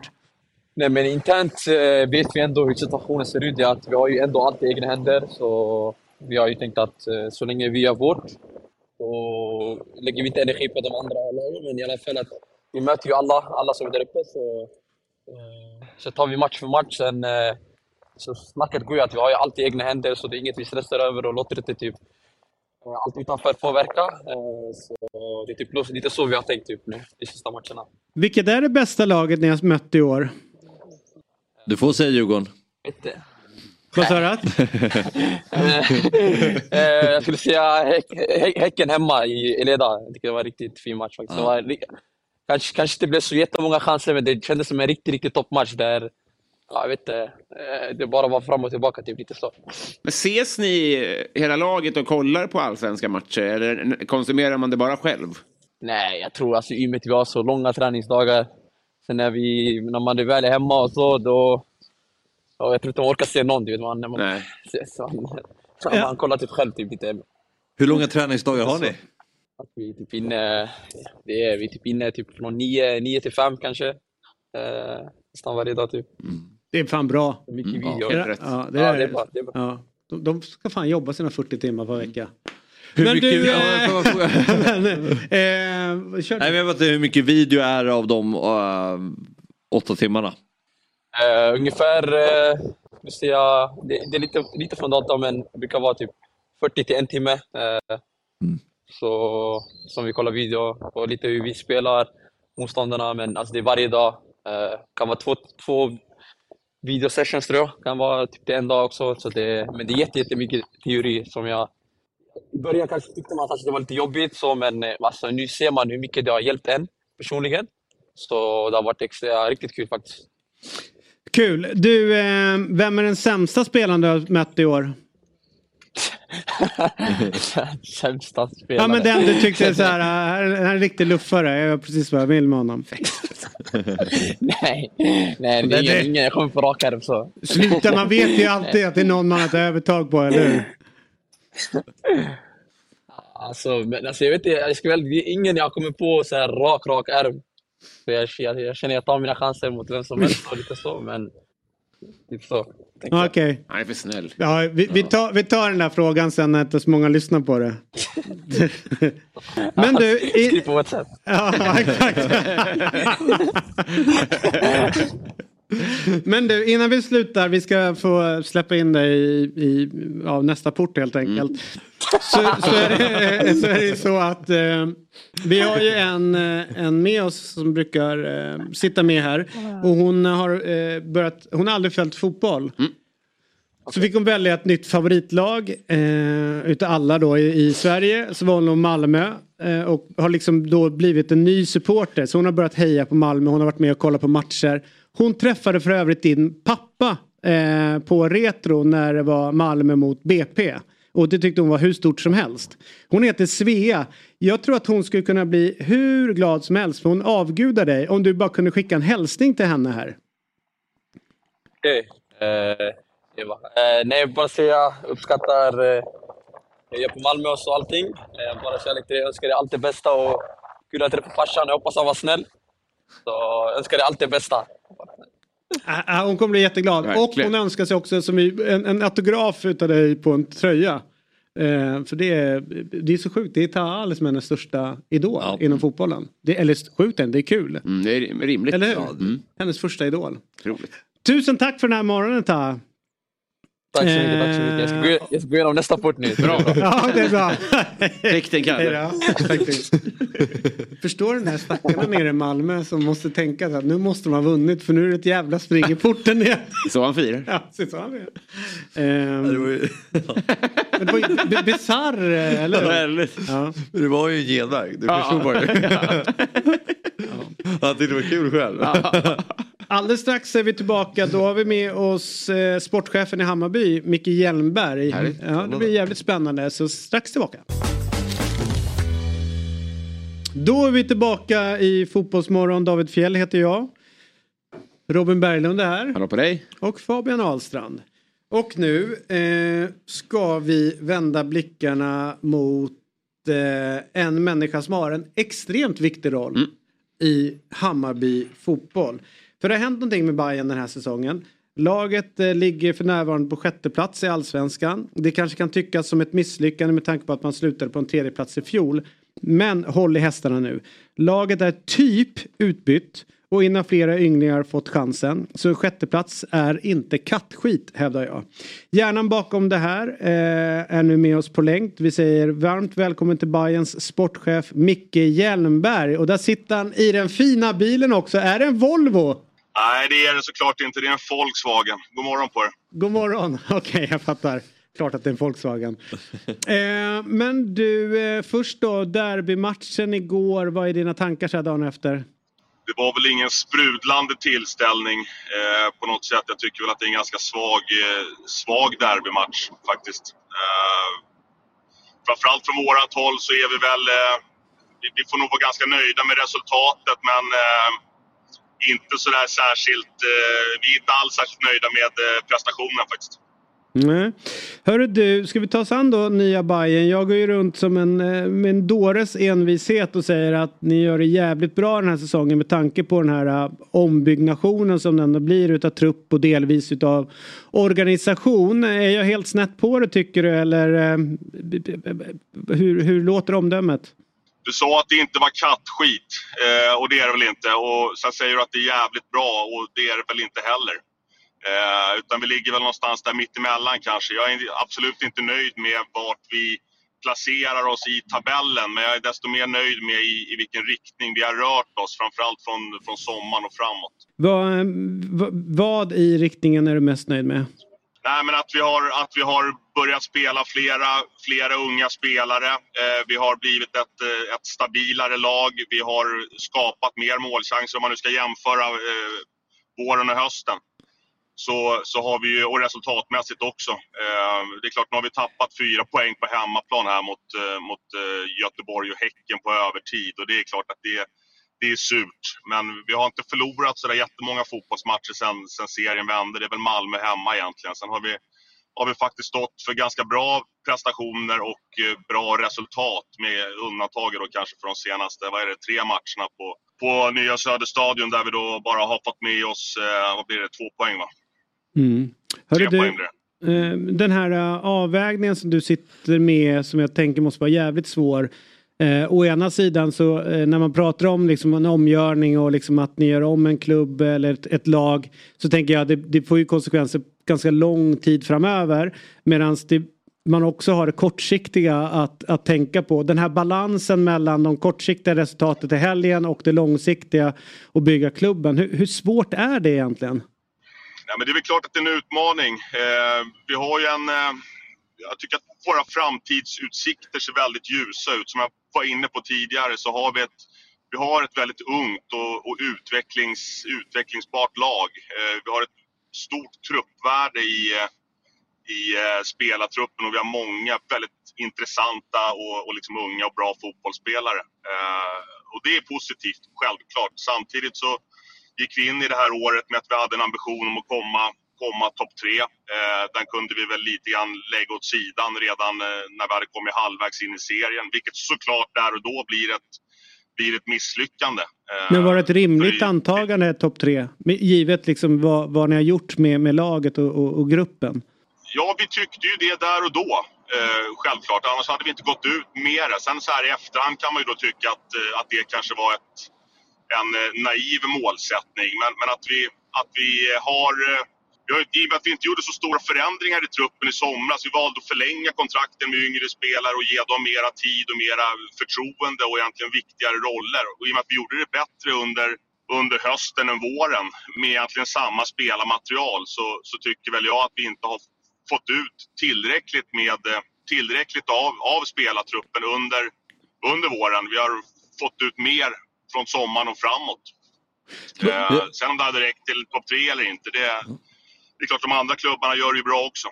Du, en eh, snabb fråga. Många brukar ju säga att det, det hände någonting i matchen mot Twente, alltså spelmässigt eller för laget. eh, Och, och, och att ni hittade någonting rätt där. Vad var det som eh, liksom föll på plats i det läget? Ja, dels så valde vi ju att, att ändra organisationen på laget till att spela med, med tre, stycken, tre stycken mittbackar och börja spela med wingbacks. Eh, och det var väl ett, ett experiment i just de här Twente-matcherna som fick ett, ett bra utfall. Eh, och i och med att vi fick det så valde vi att fortsätta på den, eh, den inslagna vägen även i Allsvenskan med gott resultat även där. Eh, det är väl egentligen det då. I- Såklart också i kombination med att flera av de yngre spelarna fullt rimligt också har blivit bättre och, och utvecklats och också fått viktigare roller. Eh, när du nämner det här med att ge unga spelare tid, jag tänker hur mycket tid kan man dem? För när de gör det bra, unga spelare, så blir de ju sålda. Hur svårt är det för er då med återväxten att få nya unga spelare som kommer upp och eh, levererar? Ja, men det är ju såklart en jättebra fråga och det är ju liksom en del i det här strategiarbetet och det hänger ju så, såklart ihop med liksom scouting och hur du bygger truppen även för, för framtiden. Om vi nu skulle, skulle välja att sälja, eh, sälja någon av de yngre spelarna, och det, det är absolut inte helt uteslutet självklart, så behöver vi se till att vi kontinuerligt har en påfyllnad av nya unga spelare som ska komma upp och, och bidra. Och det menar jag absolut på att vi har. Eh, Fantastiskt upplägg här med, med HTFF där det kommer jag tror att sju, sju spelare bara i år kommer därifrån och det kommer komma nya även i, i framtiden. Så det är klart att det är en utmaning i det. Sen tror jag också att det handlar om att kanske inte att unga spelarna är, är attraktiva på marknaden, det är ju ingen hemlighet. Vad, vad, vad, Däremot så tror jag att man, får väl ha, man behöver ha någon form av liksom plan för när man i så fall ska sälja dem så att man, så att man portionerar ut det under, under säsongerna. Hur, hur, hur mycket har du märkt eh, den här attraktionskraften med HTFF för er? Jag tänker när ni ska plocka spelare utifrån, i synnerhet in, unga spelare som ni gjort med Majed, Kasper Eklund och sådär. Hur, hur, hur, hur märks det? Ja, det märks, det märks att, att spelarna och representanterna eh, känner, känner till upplägget med HTFF väldigt väl och kan ju bara konstatera det vi konstaterar också att det är ett, det är ett framgångsrikt sätt att jobba med spelarutveckling på. Mm. Um, så att, eh, En fråga, det, Micke. är- det är bra. En fråga Micke. Det här är ju liksom inget nytt eh, Du, det fanns ju en annan eh, klubb i, i Stockholm när eh, Väsby eh, samarbete fanns eh, på tapeten. När man, och, och vad det gav liksom både i form av att, eh, vilket man kanske glömmer bort, det är att få upp ledare också, tränare som kan gå den vägen och få erfarenheten och sen bli allsvenska mm. tränare och så vidare. Och sen spelare. Varför är det inte fler klubbar som jobbar på det här sättet? När det, eh, ni ser liksom hur bra det är för er. Eh, Eh, AIK då, såg hur bra det var för dem med Väsby-samarbetet och så vidare. Varför har det tagit så lång tid för allsvenskan att fatta att det här är en väldigt, väldigt bra modell att jobba efter? Jag tror ju att det är som serie, seriesystemet är uppbyggt där du inte får ha eh, representationslag alltså i samma, i samma förening i seriespelet så behöver ju det innebära att du, du kan hitta en klubb där det finns en möjlighet att ha ett, ett sånt här upplägg med som det då fanns i, i, i Väsbys fall och som det i, i, i det här fallet nu med HTFF då gjorde tidigare med, eh, med Frej. Mm. Eh, det är ju på något sätt en förutsättning för att kunna hitta ett sånt här, eller genomföra ett sånt här samarbete. Och det är klart att den, den, den möjligheten finns ju inte om du inte hittar en klubb i seriesystemet som är beredd att samarbeta på ett sånt sätt. Vad, vad adderar det här till i ditt jobb? Alltså hur mycket lättare blir det med en, om du hade jämfört med att du fått låna ut spelare till olika klubbar? Alltså, eh, inte lätt, men du förstår vad jag menar, att det finns en tydlighet i var de hamnar. Eh, det blir en jävla massa merarbete kan jag säga. Ja, det blir Men, det. eh, nej, skämt åsido. Det, ja, det blir det kan jag säga. Du har, du har eh, 55 spelare att hantera istället för eh, 25. Eh, och lika många agenter. Nej, men det är bra. Själv, själv, självklart är det bra. Jag menar, vi, har, vi har möjlighet att kunna rekrytera spelare eh, utifrån till två lag egentligen. Vi har, vi har en, en väldigt tydlig övergång från, från akademin upp i liksom seniorfotbollen. Vi har tillgång till alla spelarna på, på Årsta på daglig basis. Tränar, tränarteamen kan, kan självklart synka eh, både med det medicinska teamet och liksom fysteamet. Så att det, det finns ju oerhörda fördelar. Vad finns det för förbättringspotential där ni är just nu då? Med allting. Jag tror att, ja, nej men alltså, jag tror att vi, vi kan, kan vara ännu bättre på att liksom, ska säga, karriärsplanera för respektive spelare. Klart, nu har vi ju de här listplatserna också som vi kan använda som vi inte har använt i, i sådär jättestor utsträckning. Det var Marcus Rafferty med och spelade med HTFF igår. Men eh, där, tror jag, där tror jag att man kan hitta en bättre, bättre synergi i hur vi använder och egentligen planerar eh, träningarna och matcherna för de här listspelarna. Hur mycket får man jobba med spelarna så här, som är i HTFF och som verkligen känner att de själva knackar på dörren och vill vara med i, A, i A, truppen i allsvenskan men ni känner kanske att de inte riktigt är redo. Är det, är det också mycket att jobba med att få spelarna att här, ja men du kanske inte är redo just nu. Uh, ha tålamod, din chans kommer eventuellt komma men den är inte där just nu. Nej, men det är helt rätt. Det är helt rätt och det är klart att det är många av spelarna i HTFF som tycker att de är, är eh, redo. Mm. Eh, och det må de kanske vara samtidigt som konkurrensen självklart blir, blir tuffare och tuffare. Men det handlar ju om att ha en bra, en tydlig dialog, en bra på något sätt så här, karriärsplanering med, med spelarna. Sen i slutändan så kommer det alltid vara spelarnas prestationer som avgör.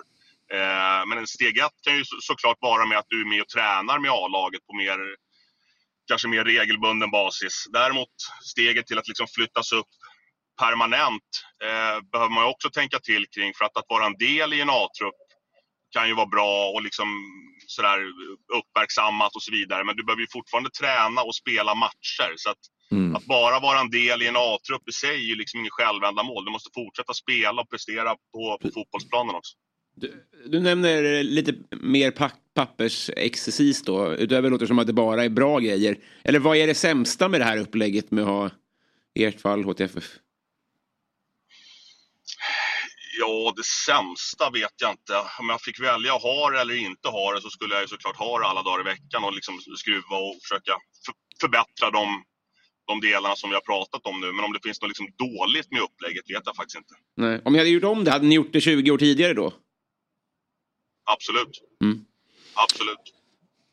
Härligt. Du, innan vi släpper dig, eh, Jesper, Jesper Jansson, Jeppe Jansson lämnade i, eh, i år eh, och nu har ni liksom ersatt honom med, med två stycken typ roller. Va, vad, hur har ditt, ditt jobb förändrats sen Jesper Jansson slutade?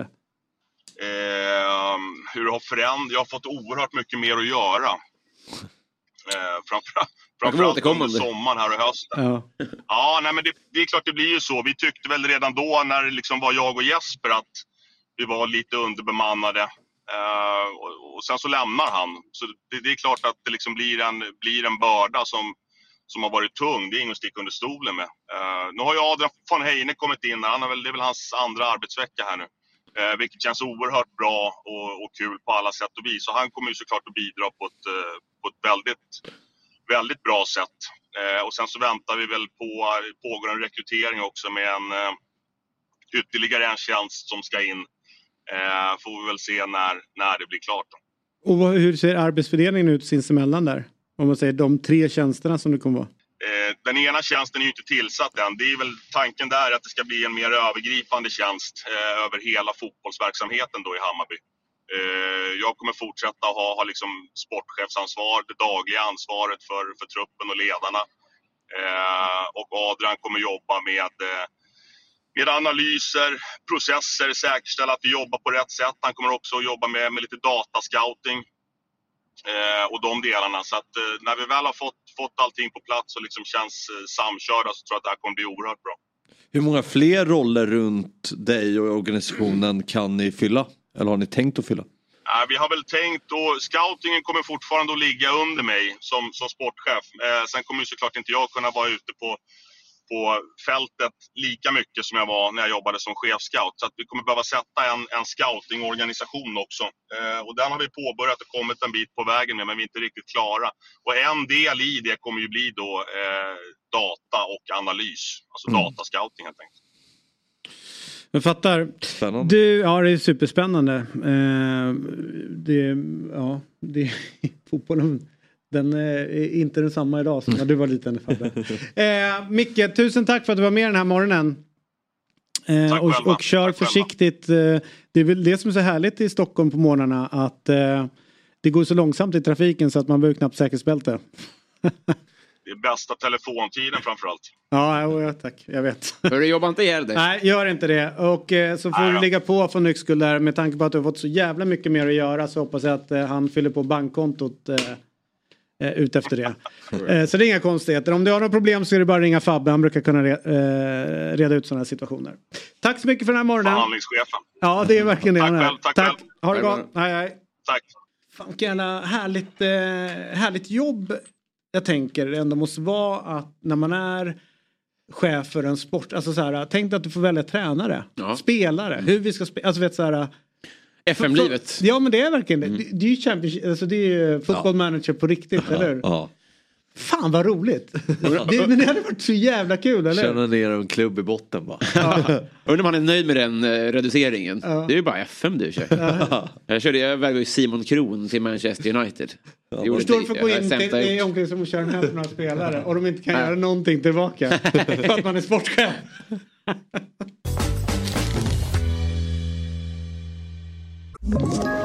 Ett poddtips från Podplay.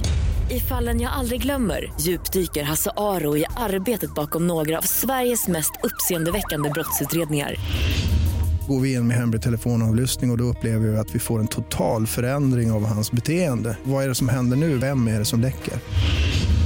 Och så säger han att jag är kriminell, jag har varit kriminell i hela mitt liv men att mörda ett barn, där går min gräns. Nya säsongen av Fallen jag aldrig glömmer på Podplay.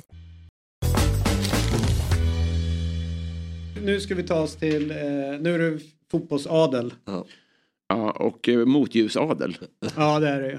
Eh, inte nog med att han kanske är en av de snyggaste som har spelat i landslaget. Han är en av de få vänsterfötterna som har spelat i landslaget också. Haft en oerhörd utlandssejour, karriär.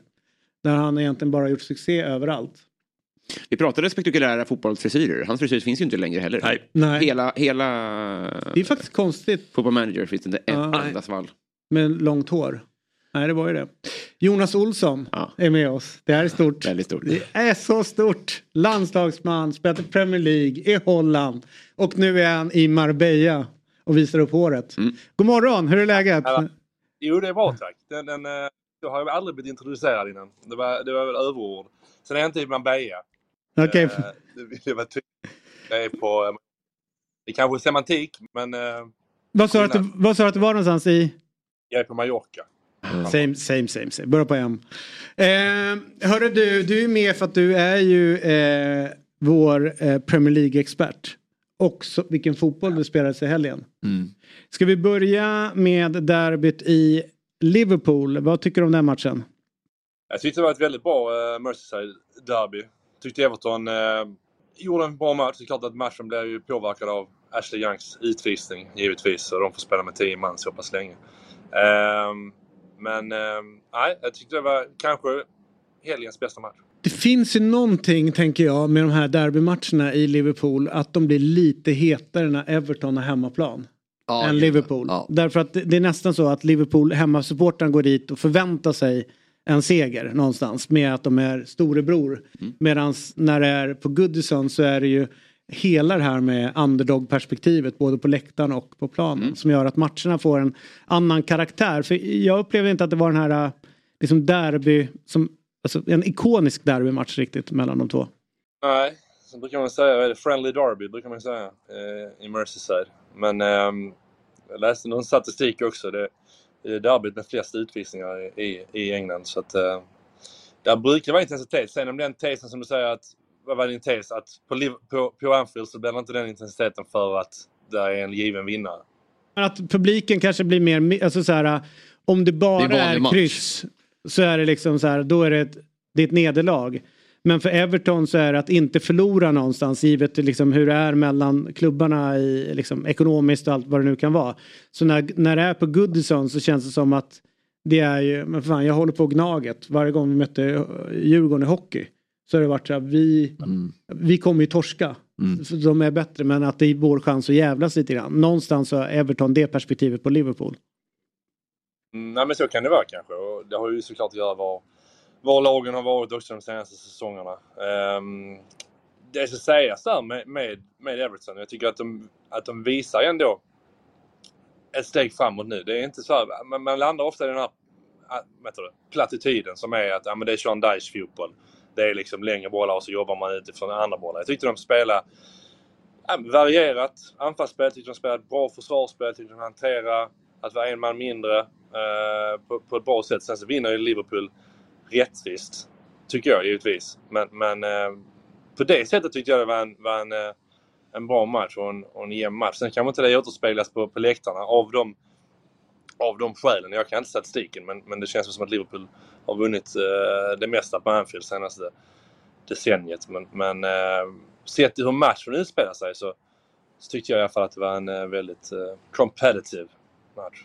Du, jag Göran säga en grej om uh, Sean Dyche. Det är ganska intressant därför att han, han har ju fått rykte om sig vara den här sparka långt och vet allt det där. Och, eh, och så satt han i en intervju och, och liksom fick frågor om det där. Då säger så här, men vad skulle du gjort med de lagen jag har tränat? Alltså i högsta serien. Skulle du ha försökt spela ur? Alltså, han, och så börjar han prata då ganska mycket om eh, hur han vill att de ska försvara och hur de ska jobba för varandra. Så att hans principer är snarare hur man arbetar och work ethic snarare än att sparka långt. Eh, men han har fått det ryktet. Som likt, likt du, han tycker är lite fel. För det är inte det han är ute efter när han, med sina lag. Utan det är ju att, ja, du hänger med. Jag, jag håller med dig och det tycker jag egentligen med, om man, om man liksom inte landar i Roy Hodgson alltid när vi pratar om mig, men, men det är lite samma tänk där tycker jag. De är väldigt duktiga på att organisera, precis som du säger, deras principer handlar ofta om eh, försvarsprinciperna. Anfallsmässigt så, så är man kreativare och man är lösare i sina tyglar. Sen kommer man inte ifrån ändå med, med Sean Dyche. Han, han kan ju, jag håller med, han, ibland får han oförtjänt kritik.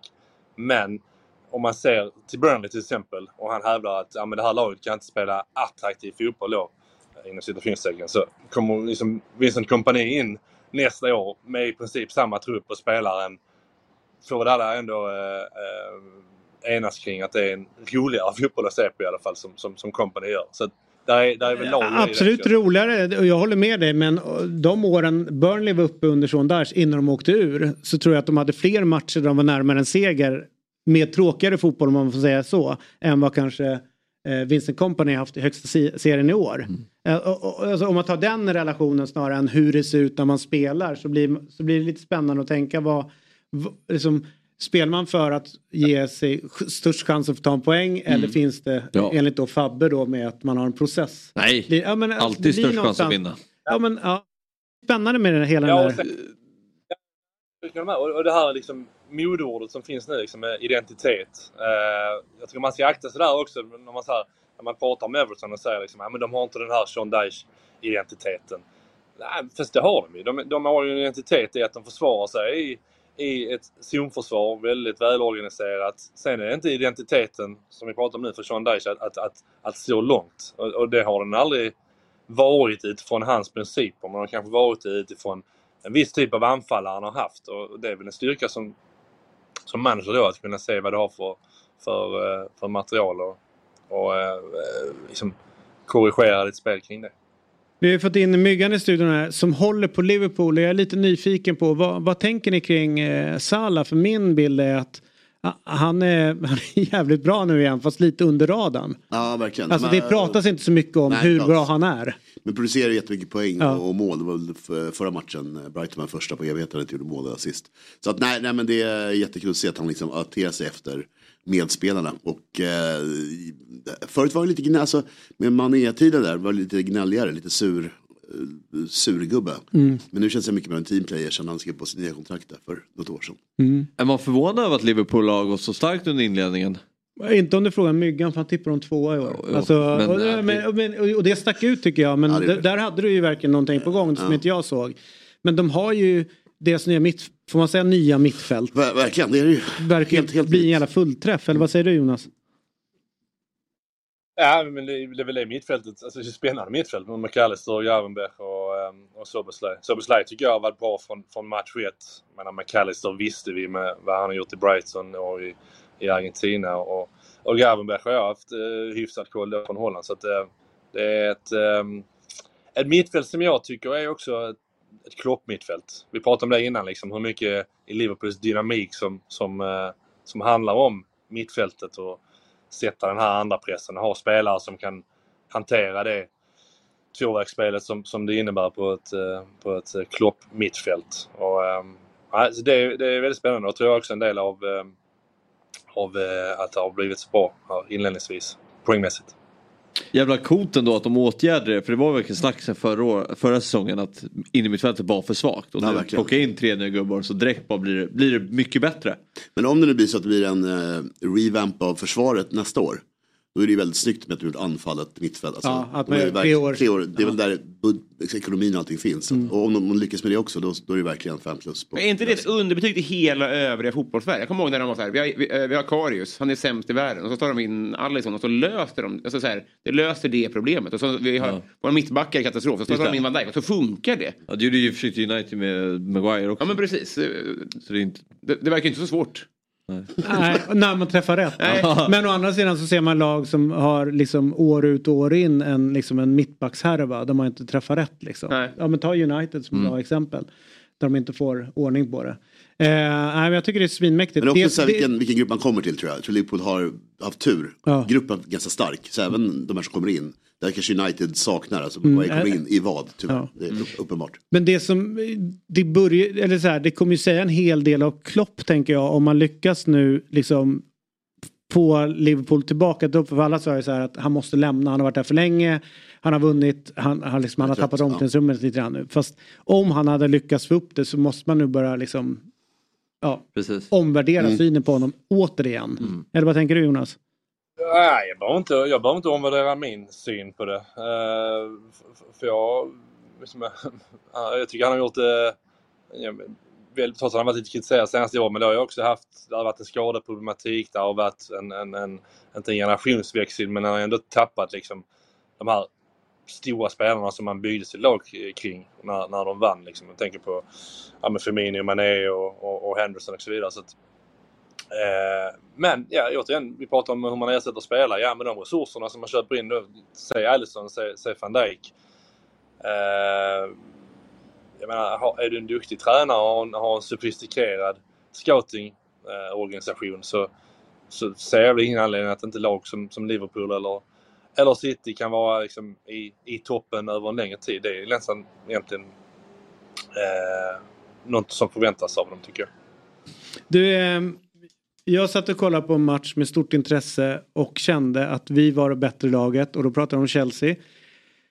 2-0, allting, alltså fantastiskt bra spel utav Chelsea fram tills eh, ytterligare en målvakt denna omgång bestämmer sig för att vara kreativ. Eh, 2-1, en helt annan match. 2-2 kommer som på beställning och sen så får Chelsea jobba för att rädda en poäng. Eh, hur, hur, hur ska, liksom här, om man då håller på Chelsea och ser den här matchen Jonas, hur ska jag tänka och hur ska jag känna efteråt? Ska jag vara nöjd med prestationen eller vad, hur, hur ser du på det? Jag vet inte. Det, det, fråga dig själv frågan hur man har känt ur, ur spelarperspektiv. Går in och, och lätt 2-0 på Stamford Bridge så kommer man av och så säger man att vi får vara nöjda med prestationen. Det, inte prata med målvakten. Aldrig, inte ett ljud. Det, det jag sa efter matchen, det jag tycker, det är att om man ska prata prestationen så ja, de senaste matcherna mot Fulham, mot Burnley, mot Arsenal, det har ju varit ett fall framåt, det kommer man inte ifrån. Man har sett ut som ett, som ett lag, man har sett ut som ett spetsigt lag. Um, så den delen är bättre. Sen så de här individuella misstagen, ja du hade Sanchez vid, vid 2 målet. Du hade Gusto tycker jag med markeringen på, på, på kvitteringen. Vi hade Palmer som gjorde en jättefin match som kanske skulle ha avgjort matchen tidigare med lite bättre beslutsfattning i, i, eh, i omställningarna. Så de, de individuella misstagen, de, de måste ju bort. Liksom. Och de måste bort snabbt i en klubb som, som Chelsea, i en klubb som varvar spelare och köper spelare som ska vara ja, men, bäst på det också. Jag menar, det är därför du betalar så pass mycket för Mudrik. Det är därför du betalar så mycket för Fernandes. Du kan inte, du kan inte göra de små misstagen match ut och match in. Oavsett, du sen kan det landa i att ja, vi har en ny trupp, vi har många nya spelare, det kommer att ta tid. Ja, varför tar det tid att ta ett rätt beslut som, som målvakt där? Det måste man kräva tycker jag på, på den nivån. När man leder med 2-0 dessutom också mot Arsenal. Det finns liksom ingen anledning att spela ut den bollen.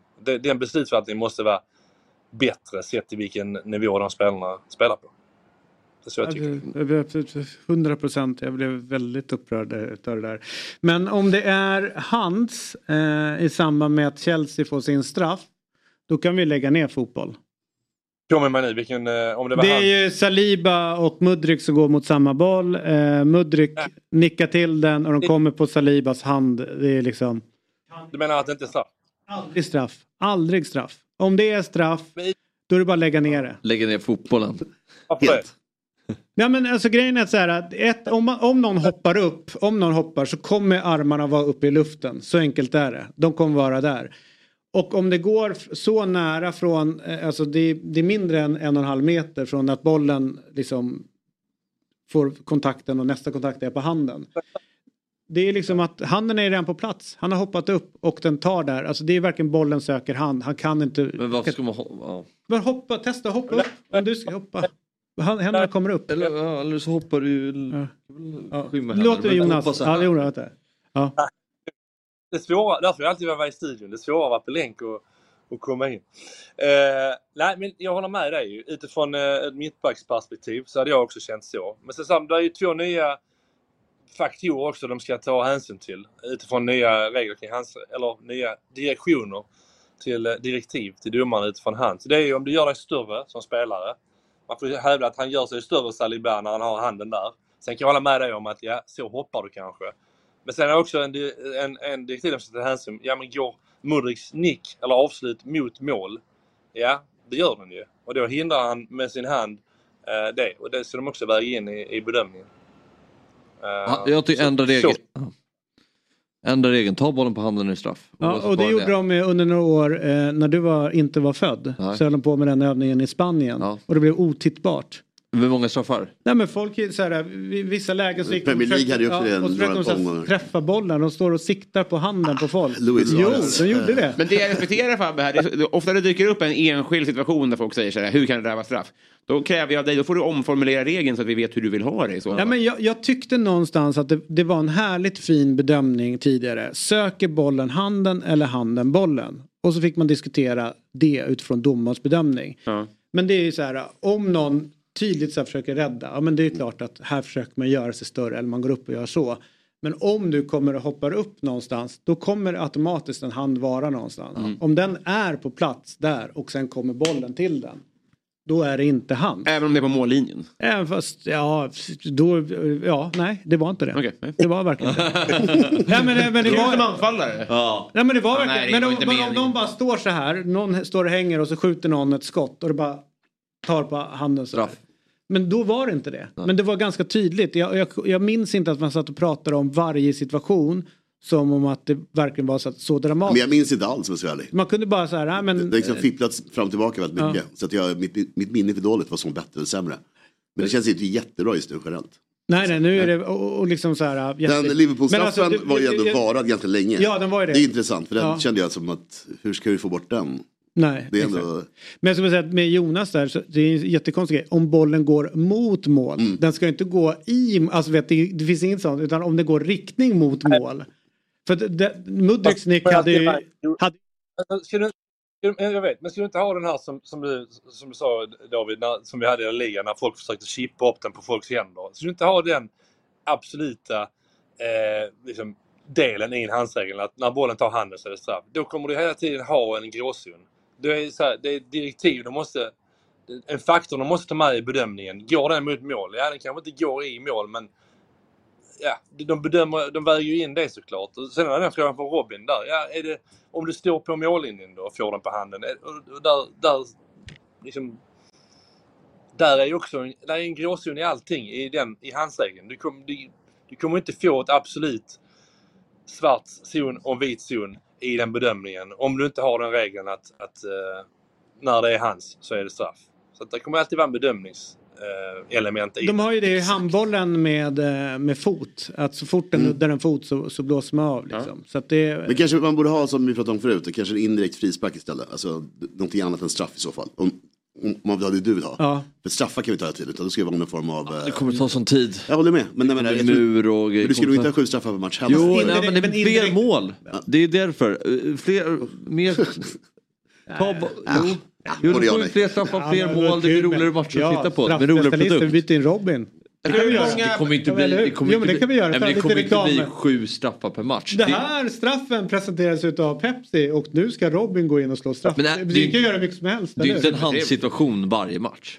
Jo, om, nej, men om man gör det som du vill så kommer det vara tio handsituationer Nej, för- varje halvlek. För det är det enda sättet man Nej, skulle nej. göra. Nej, nej, nej. Kom in i offensivt straffområde, sikta på Nej, någons jävla hand. inte, det kommer inte vara så. Ja, Det är många parallella diskussioner här, men Jonas trycker på någonting att om vi får välja, antingen får vi ha det som Fabbe säger, eller så får vi ha, vi får leva med att det kommer vara diskussioner. Och jag tror att ganska många har, har inställningen att det får inte vara diskussioner. Eh, Det får inte vara gråzonssituationer, men om vi är fine med det och tänker att efter varje helg så kommer vi ha den här, Ja, ja. det här tjatet, då är det ju lugnt. Jag, jag, tror det är, jag tror också det är faktiskt lite, jag tror det är den stora uspen med fotboll och varför vi engageras. Just att man har de här bedömningssituationerna. Vi, har, vi sitter här i, en, eh, i, ett, eh, i ett program och pratar om en, om en handsituation, om utvisningssituationer. Vi måste ha ett par gråzoner. Det är liksom det som någonstans gör fotbollen levande och, och, och eh, ger diskussioner kring det. Det, det, det tror jag är, är jätteviktigt för, för sporten. Det får liksom inte bli eh, amerikansk fotboll där allting är liksom eh, svart eller vitt. Där vi har, varje lag har fem challenges och, challenges och, och de kollar på video och du får det liksom spot on varenda gång. Jag tror det är, det är viktigt att man lämnar lite utrymme i det. Det är inte dit vi är på väg om vi trycker in än mer videokoller, än mer granskningar. Att vi, att vi kommer bort ifrån just den här bedömningen, den här uh, ner till en, ner till en domare.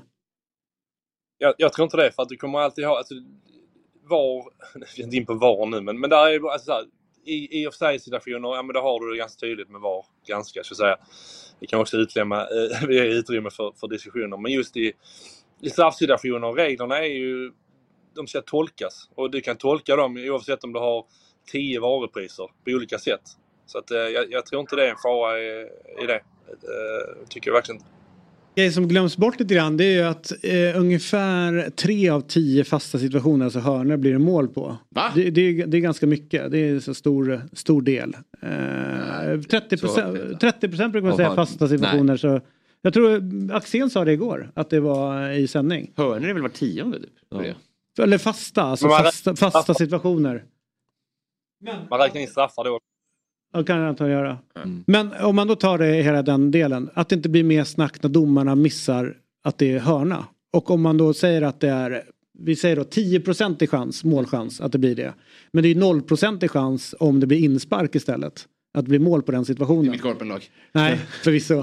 eh, men att det inte blir där att om man nu ska kolla allt. Vem, är, vem har rätt att äga bollen? Borde ju vara liksom fundamentalt Det är in, låg, inom eh, sporten. det är eller? låg outrage på hörnbeslut. Ja. Eller hur? Det är bara en anfallare som står kvar och skriker. Jo, andra men ändå att man borde, om man nu ska vara noga med om allting ska bli rätt inom fotbollen. Men rädslan så borde man väl också är vara, eh, så här, ha, ha rätt på vem det är som faktiskt har rätt till att ha bollen vid nästa situation. Jag känner mig ofta missfördelad när jag ser fotboll, att mitt lag får skit med sig. Mm. Och då stör jag mig på att alla mitt, i mitt lag springer hem, såklart, för att det är inspark. Ja. De borde stanna kvar och skrika på domaren där tycker jag. Och hetsa mera. hetsa Ja. hörnan.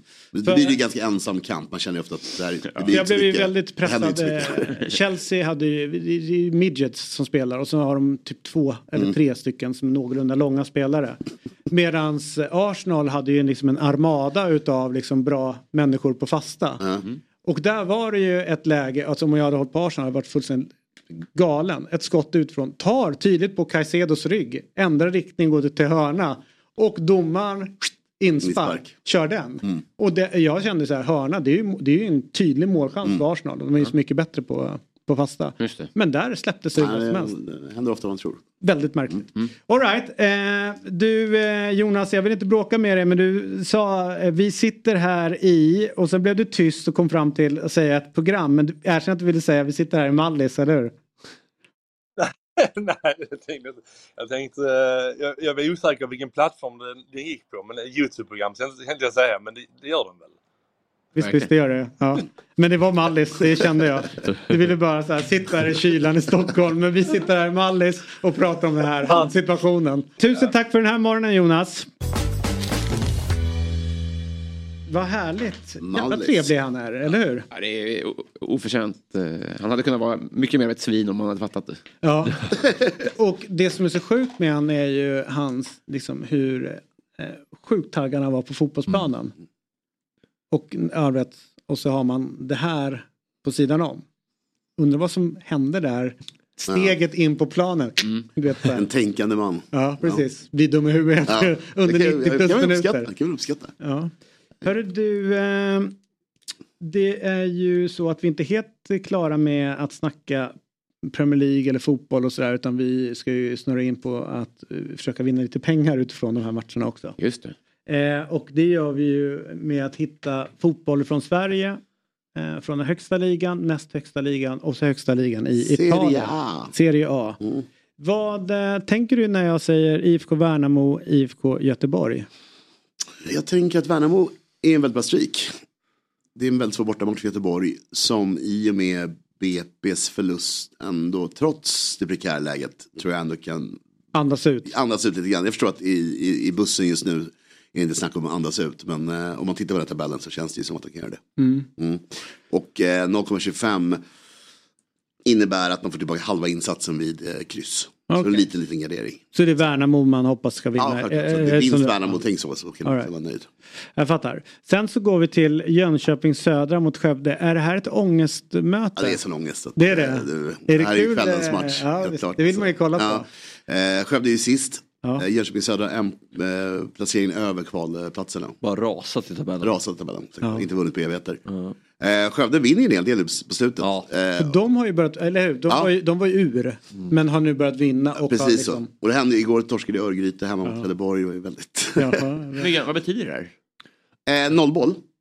Eh, alltså eh, Skövde AIK 0 kan man säga då, eller nollboll i, i spelsurr. Det betyder, eh, jag ska upp för, för att vara tydlig här. Eh, vid vinst, inga konstigt alls. Och vid oavgjort får man tillbaka pengarna, alltså fulla summan så att säga. All right. Det är bara halva på 0,25. Så det är kryss 2? Så att om du har ett vad, då försvinner den ur trippen. Då blir det en Ja, dubbel ja, kan man ja. säga. Jag Får du känner, behålla dem? Ja, precis. Så det kan bli, ja.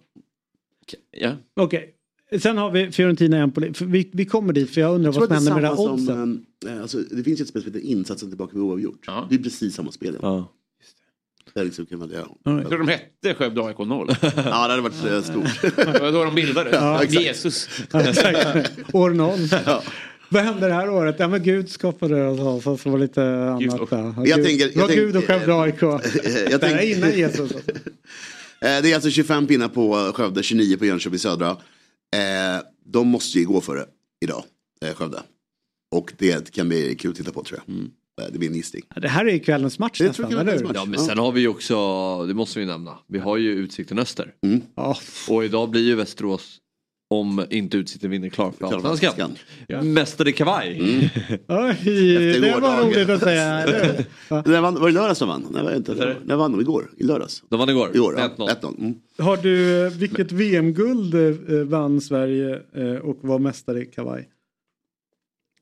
Eh, hockey då? Ja. Ja. Vilket år? 98. 87 va? I Wienerstadthalle. Är det eh, masken han vänder mot finnarna typ 4-0 till 4-4? Ja, samma men det var väl 86 Var det 86, sen. ja. Men sen så den här Det är mitt guldet var ju... starkaste VM-minne tror jag. Ja, Den det är var mäktigt. otroligt. Alltså. När Pekka var tvungen att gå ut och röka i pausen mellan eh, Ja, andra och tredje. Men alltså masken alltså. Det är så- Vinner i kavaj och Trygg Polo. Ja, Det är hela vägen. Ja. Så, eh, den skulle man ju vilja ha. Jag, jag, jag erkänner då, nu har det preskriberat, men jag sa till Trygg Hansa att min pappa var sjuk och att han önskade sig sånt. Men han, det var till mig. Då fick jag en på posten. Det gör det sant. Ja. Han är jättesjuk. Han är döende. Du har en. Ja, med den imorgon då? jag, vet, jag måste leta upp den då. Det, är, det är inget vardagsplagg. Men de tillverkas ändå 2000-talet? Nej, det här är nog... Det här Ja, det är låg kvar. Ah, jag. häftigt. Coolt. Fan, man vill ha tag på dem. Ja. Kanske borde gå att hitta. Ja, Ja. Hör av er. Det är likadant. Jag har ju en, eh, en AIK-flagga som hängde uppe under en period som jag skulle vilja få tag på. Mm. Frie Köttis. Den är så sjuk. Ja. För vem är Köttis? Varför heter man På Köttis? kåken, han ser ut. Vad du? Han ser ut. Nej, men, Alltså, ja, tecknad. ja, ja. men den hade, gissar velat, det. den hade jag velat... Eller fan eh, två minuter för slashing. Alltså, för Ja, så menar du, en väldigt, ja. tidsbegränsad flagga. ja. just det. Men jag har ju, eh, jag har ju, du och jag har ju en god vän, eller jag har väl mest en god vän, eh, Allan. Han tatuerade in 3-1 va? I halvtid. Ja. Djurgården, Djurgården Öster, det är en klassiker. Ja. Riktigt. Ja, det slutade inte 3-1 den matchen. Det skrev han in. Men vem är han, eh, också Hammarby, han som åkte till Thailand och tatuerade? Missa stavningen. Ja. Ja. den är jobbig alltså. Bagaren. Var det? Ja, det var på ryggen, Ryggen, och så blev det, Ja. blev det Hammarby och så gick han tillbaka. But, but liksom, eh, you messed up my tattoo och sånt. Och då alltså, hörde hon bara, but you wrote, but you wrote. Och så Ja. hittade hon en lapp och så bara hörde hon på fyllan skrivit Hammarby istället. but you wrote. Alltså, det, är det är hela jävla ryggen. but you wrote. Ja, men Ja. Eh, sista matchen. Får man lägga B under och sen i Ja, det är så, den där svaga. But you... Eh, Fiorentina utan att vinna, vinna utan att släppa i mål. Ja. Eh, då tänker ni att det är lite knäppt spel. Lite knäppt. Ja, men Fio är ju i dunderform innan uppehållet, vill säga nu är det uppehåll. Ja, så ja. att De vann hända. emot eh, Napoli. Men vet ni hur många mål Empoli har gjort i år efter åtta matcher? Ja, f- eh, 17. Va? Efter åtta matcher? Ja. Två i var match, drygt. Empoli? Jag har gjort ett mål. Bara. Ja, jag tänkte, det var någon statistik jag visste. Jag Nej, nej, jag bara, där? Det blev 16 förra matchen. Ja, exakt. Ja, För oraklen. De har gjort ett mål på åtta matcher. Precis så. Ja, de kommer inte göra något idag. Jag tror inte det kommer ske. Någon gång måste ju vända.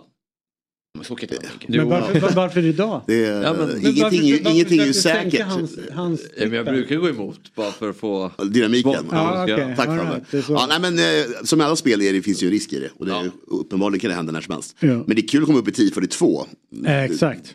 De här Hoffman-tripplarna dansar ju på 5 och 10 Ja, något det- tiden. Så att- Någon gång måste de göra 16 mål. Ja, så att nu blir det... Eh?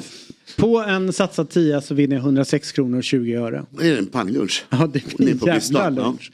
Mycket. Men eh, det är, eh, det är eh, lite risk att hålla på med spel, så är det ju. Och om Mm. man har problem så finns det stödlinjen.se.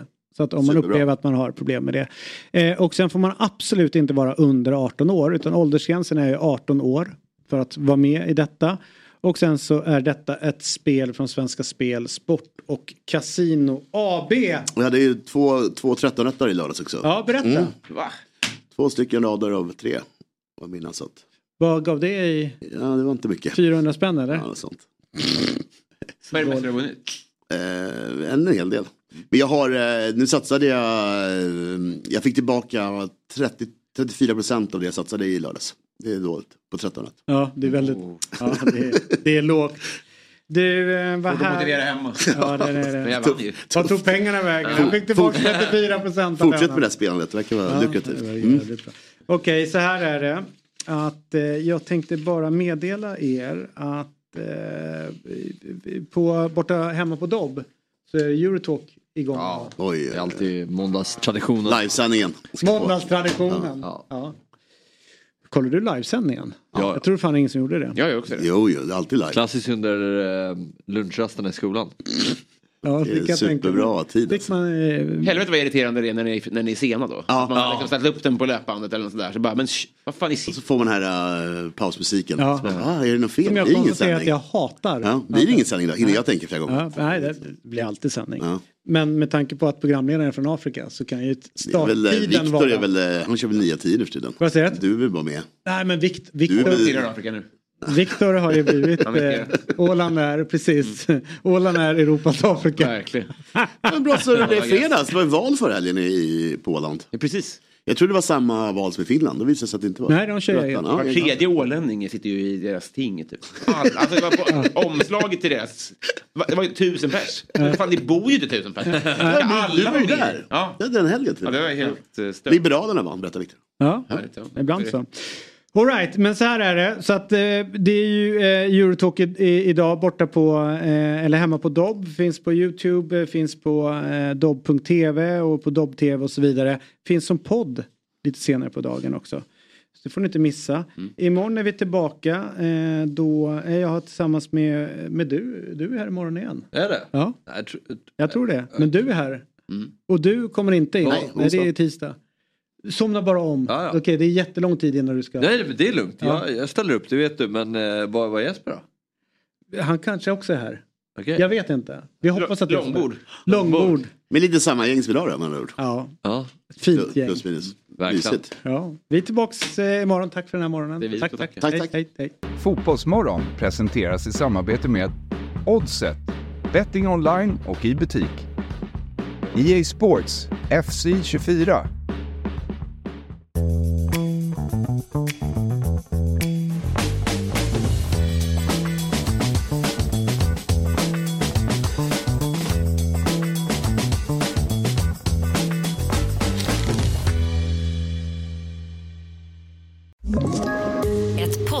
Från Podplay. I fallen jag aldrig glömmer djupdyker Hasse Aro i arbetet bakom några av Sveriges mest uppseendeväckande brottsutredningar. Går vi in med hemlig telefonavlyssning och, och då upplever vi att vi får en total förändring av hans beteende. Vad är det som händer nu? Vem är det som läcker? Och så säger han att jag är kriminell, jag har varit kriminell i hela mitt liv men att mörda ett barn, där går min gräns.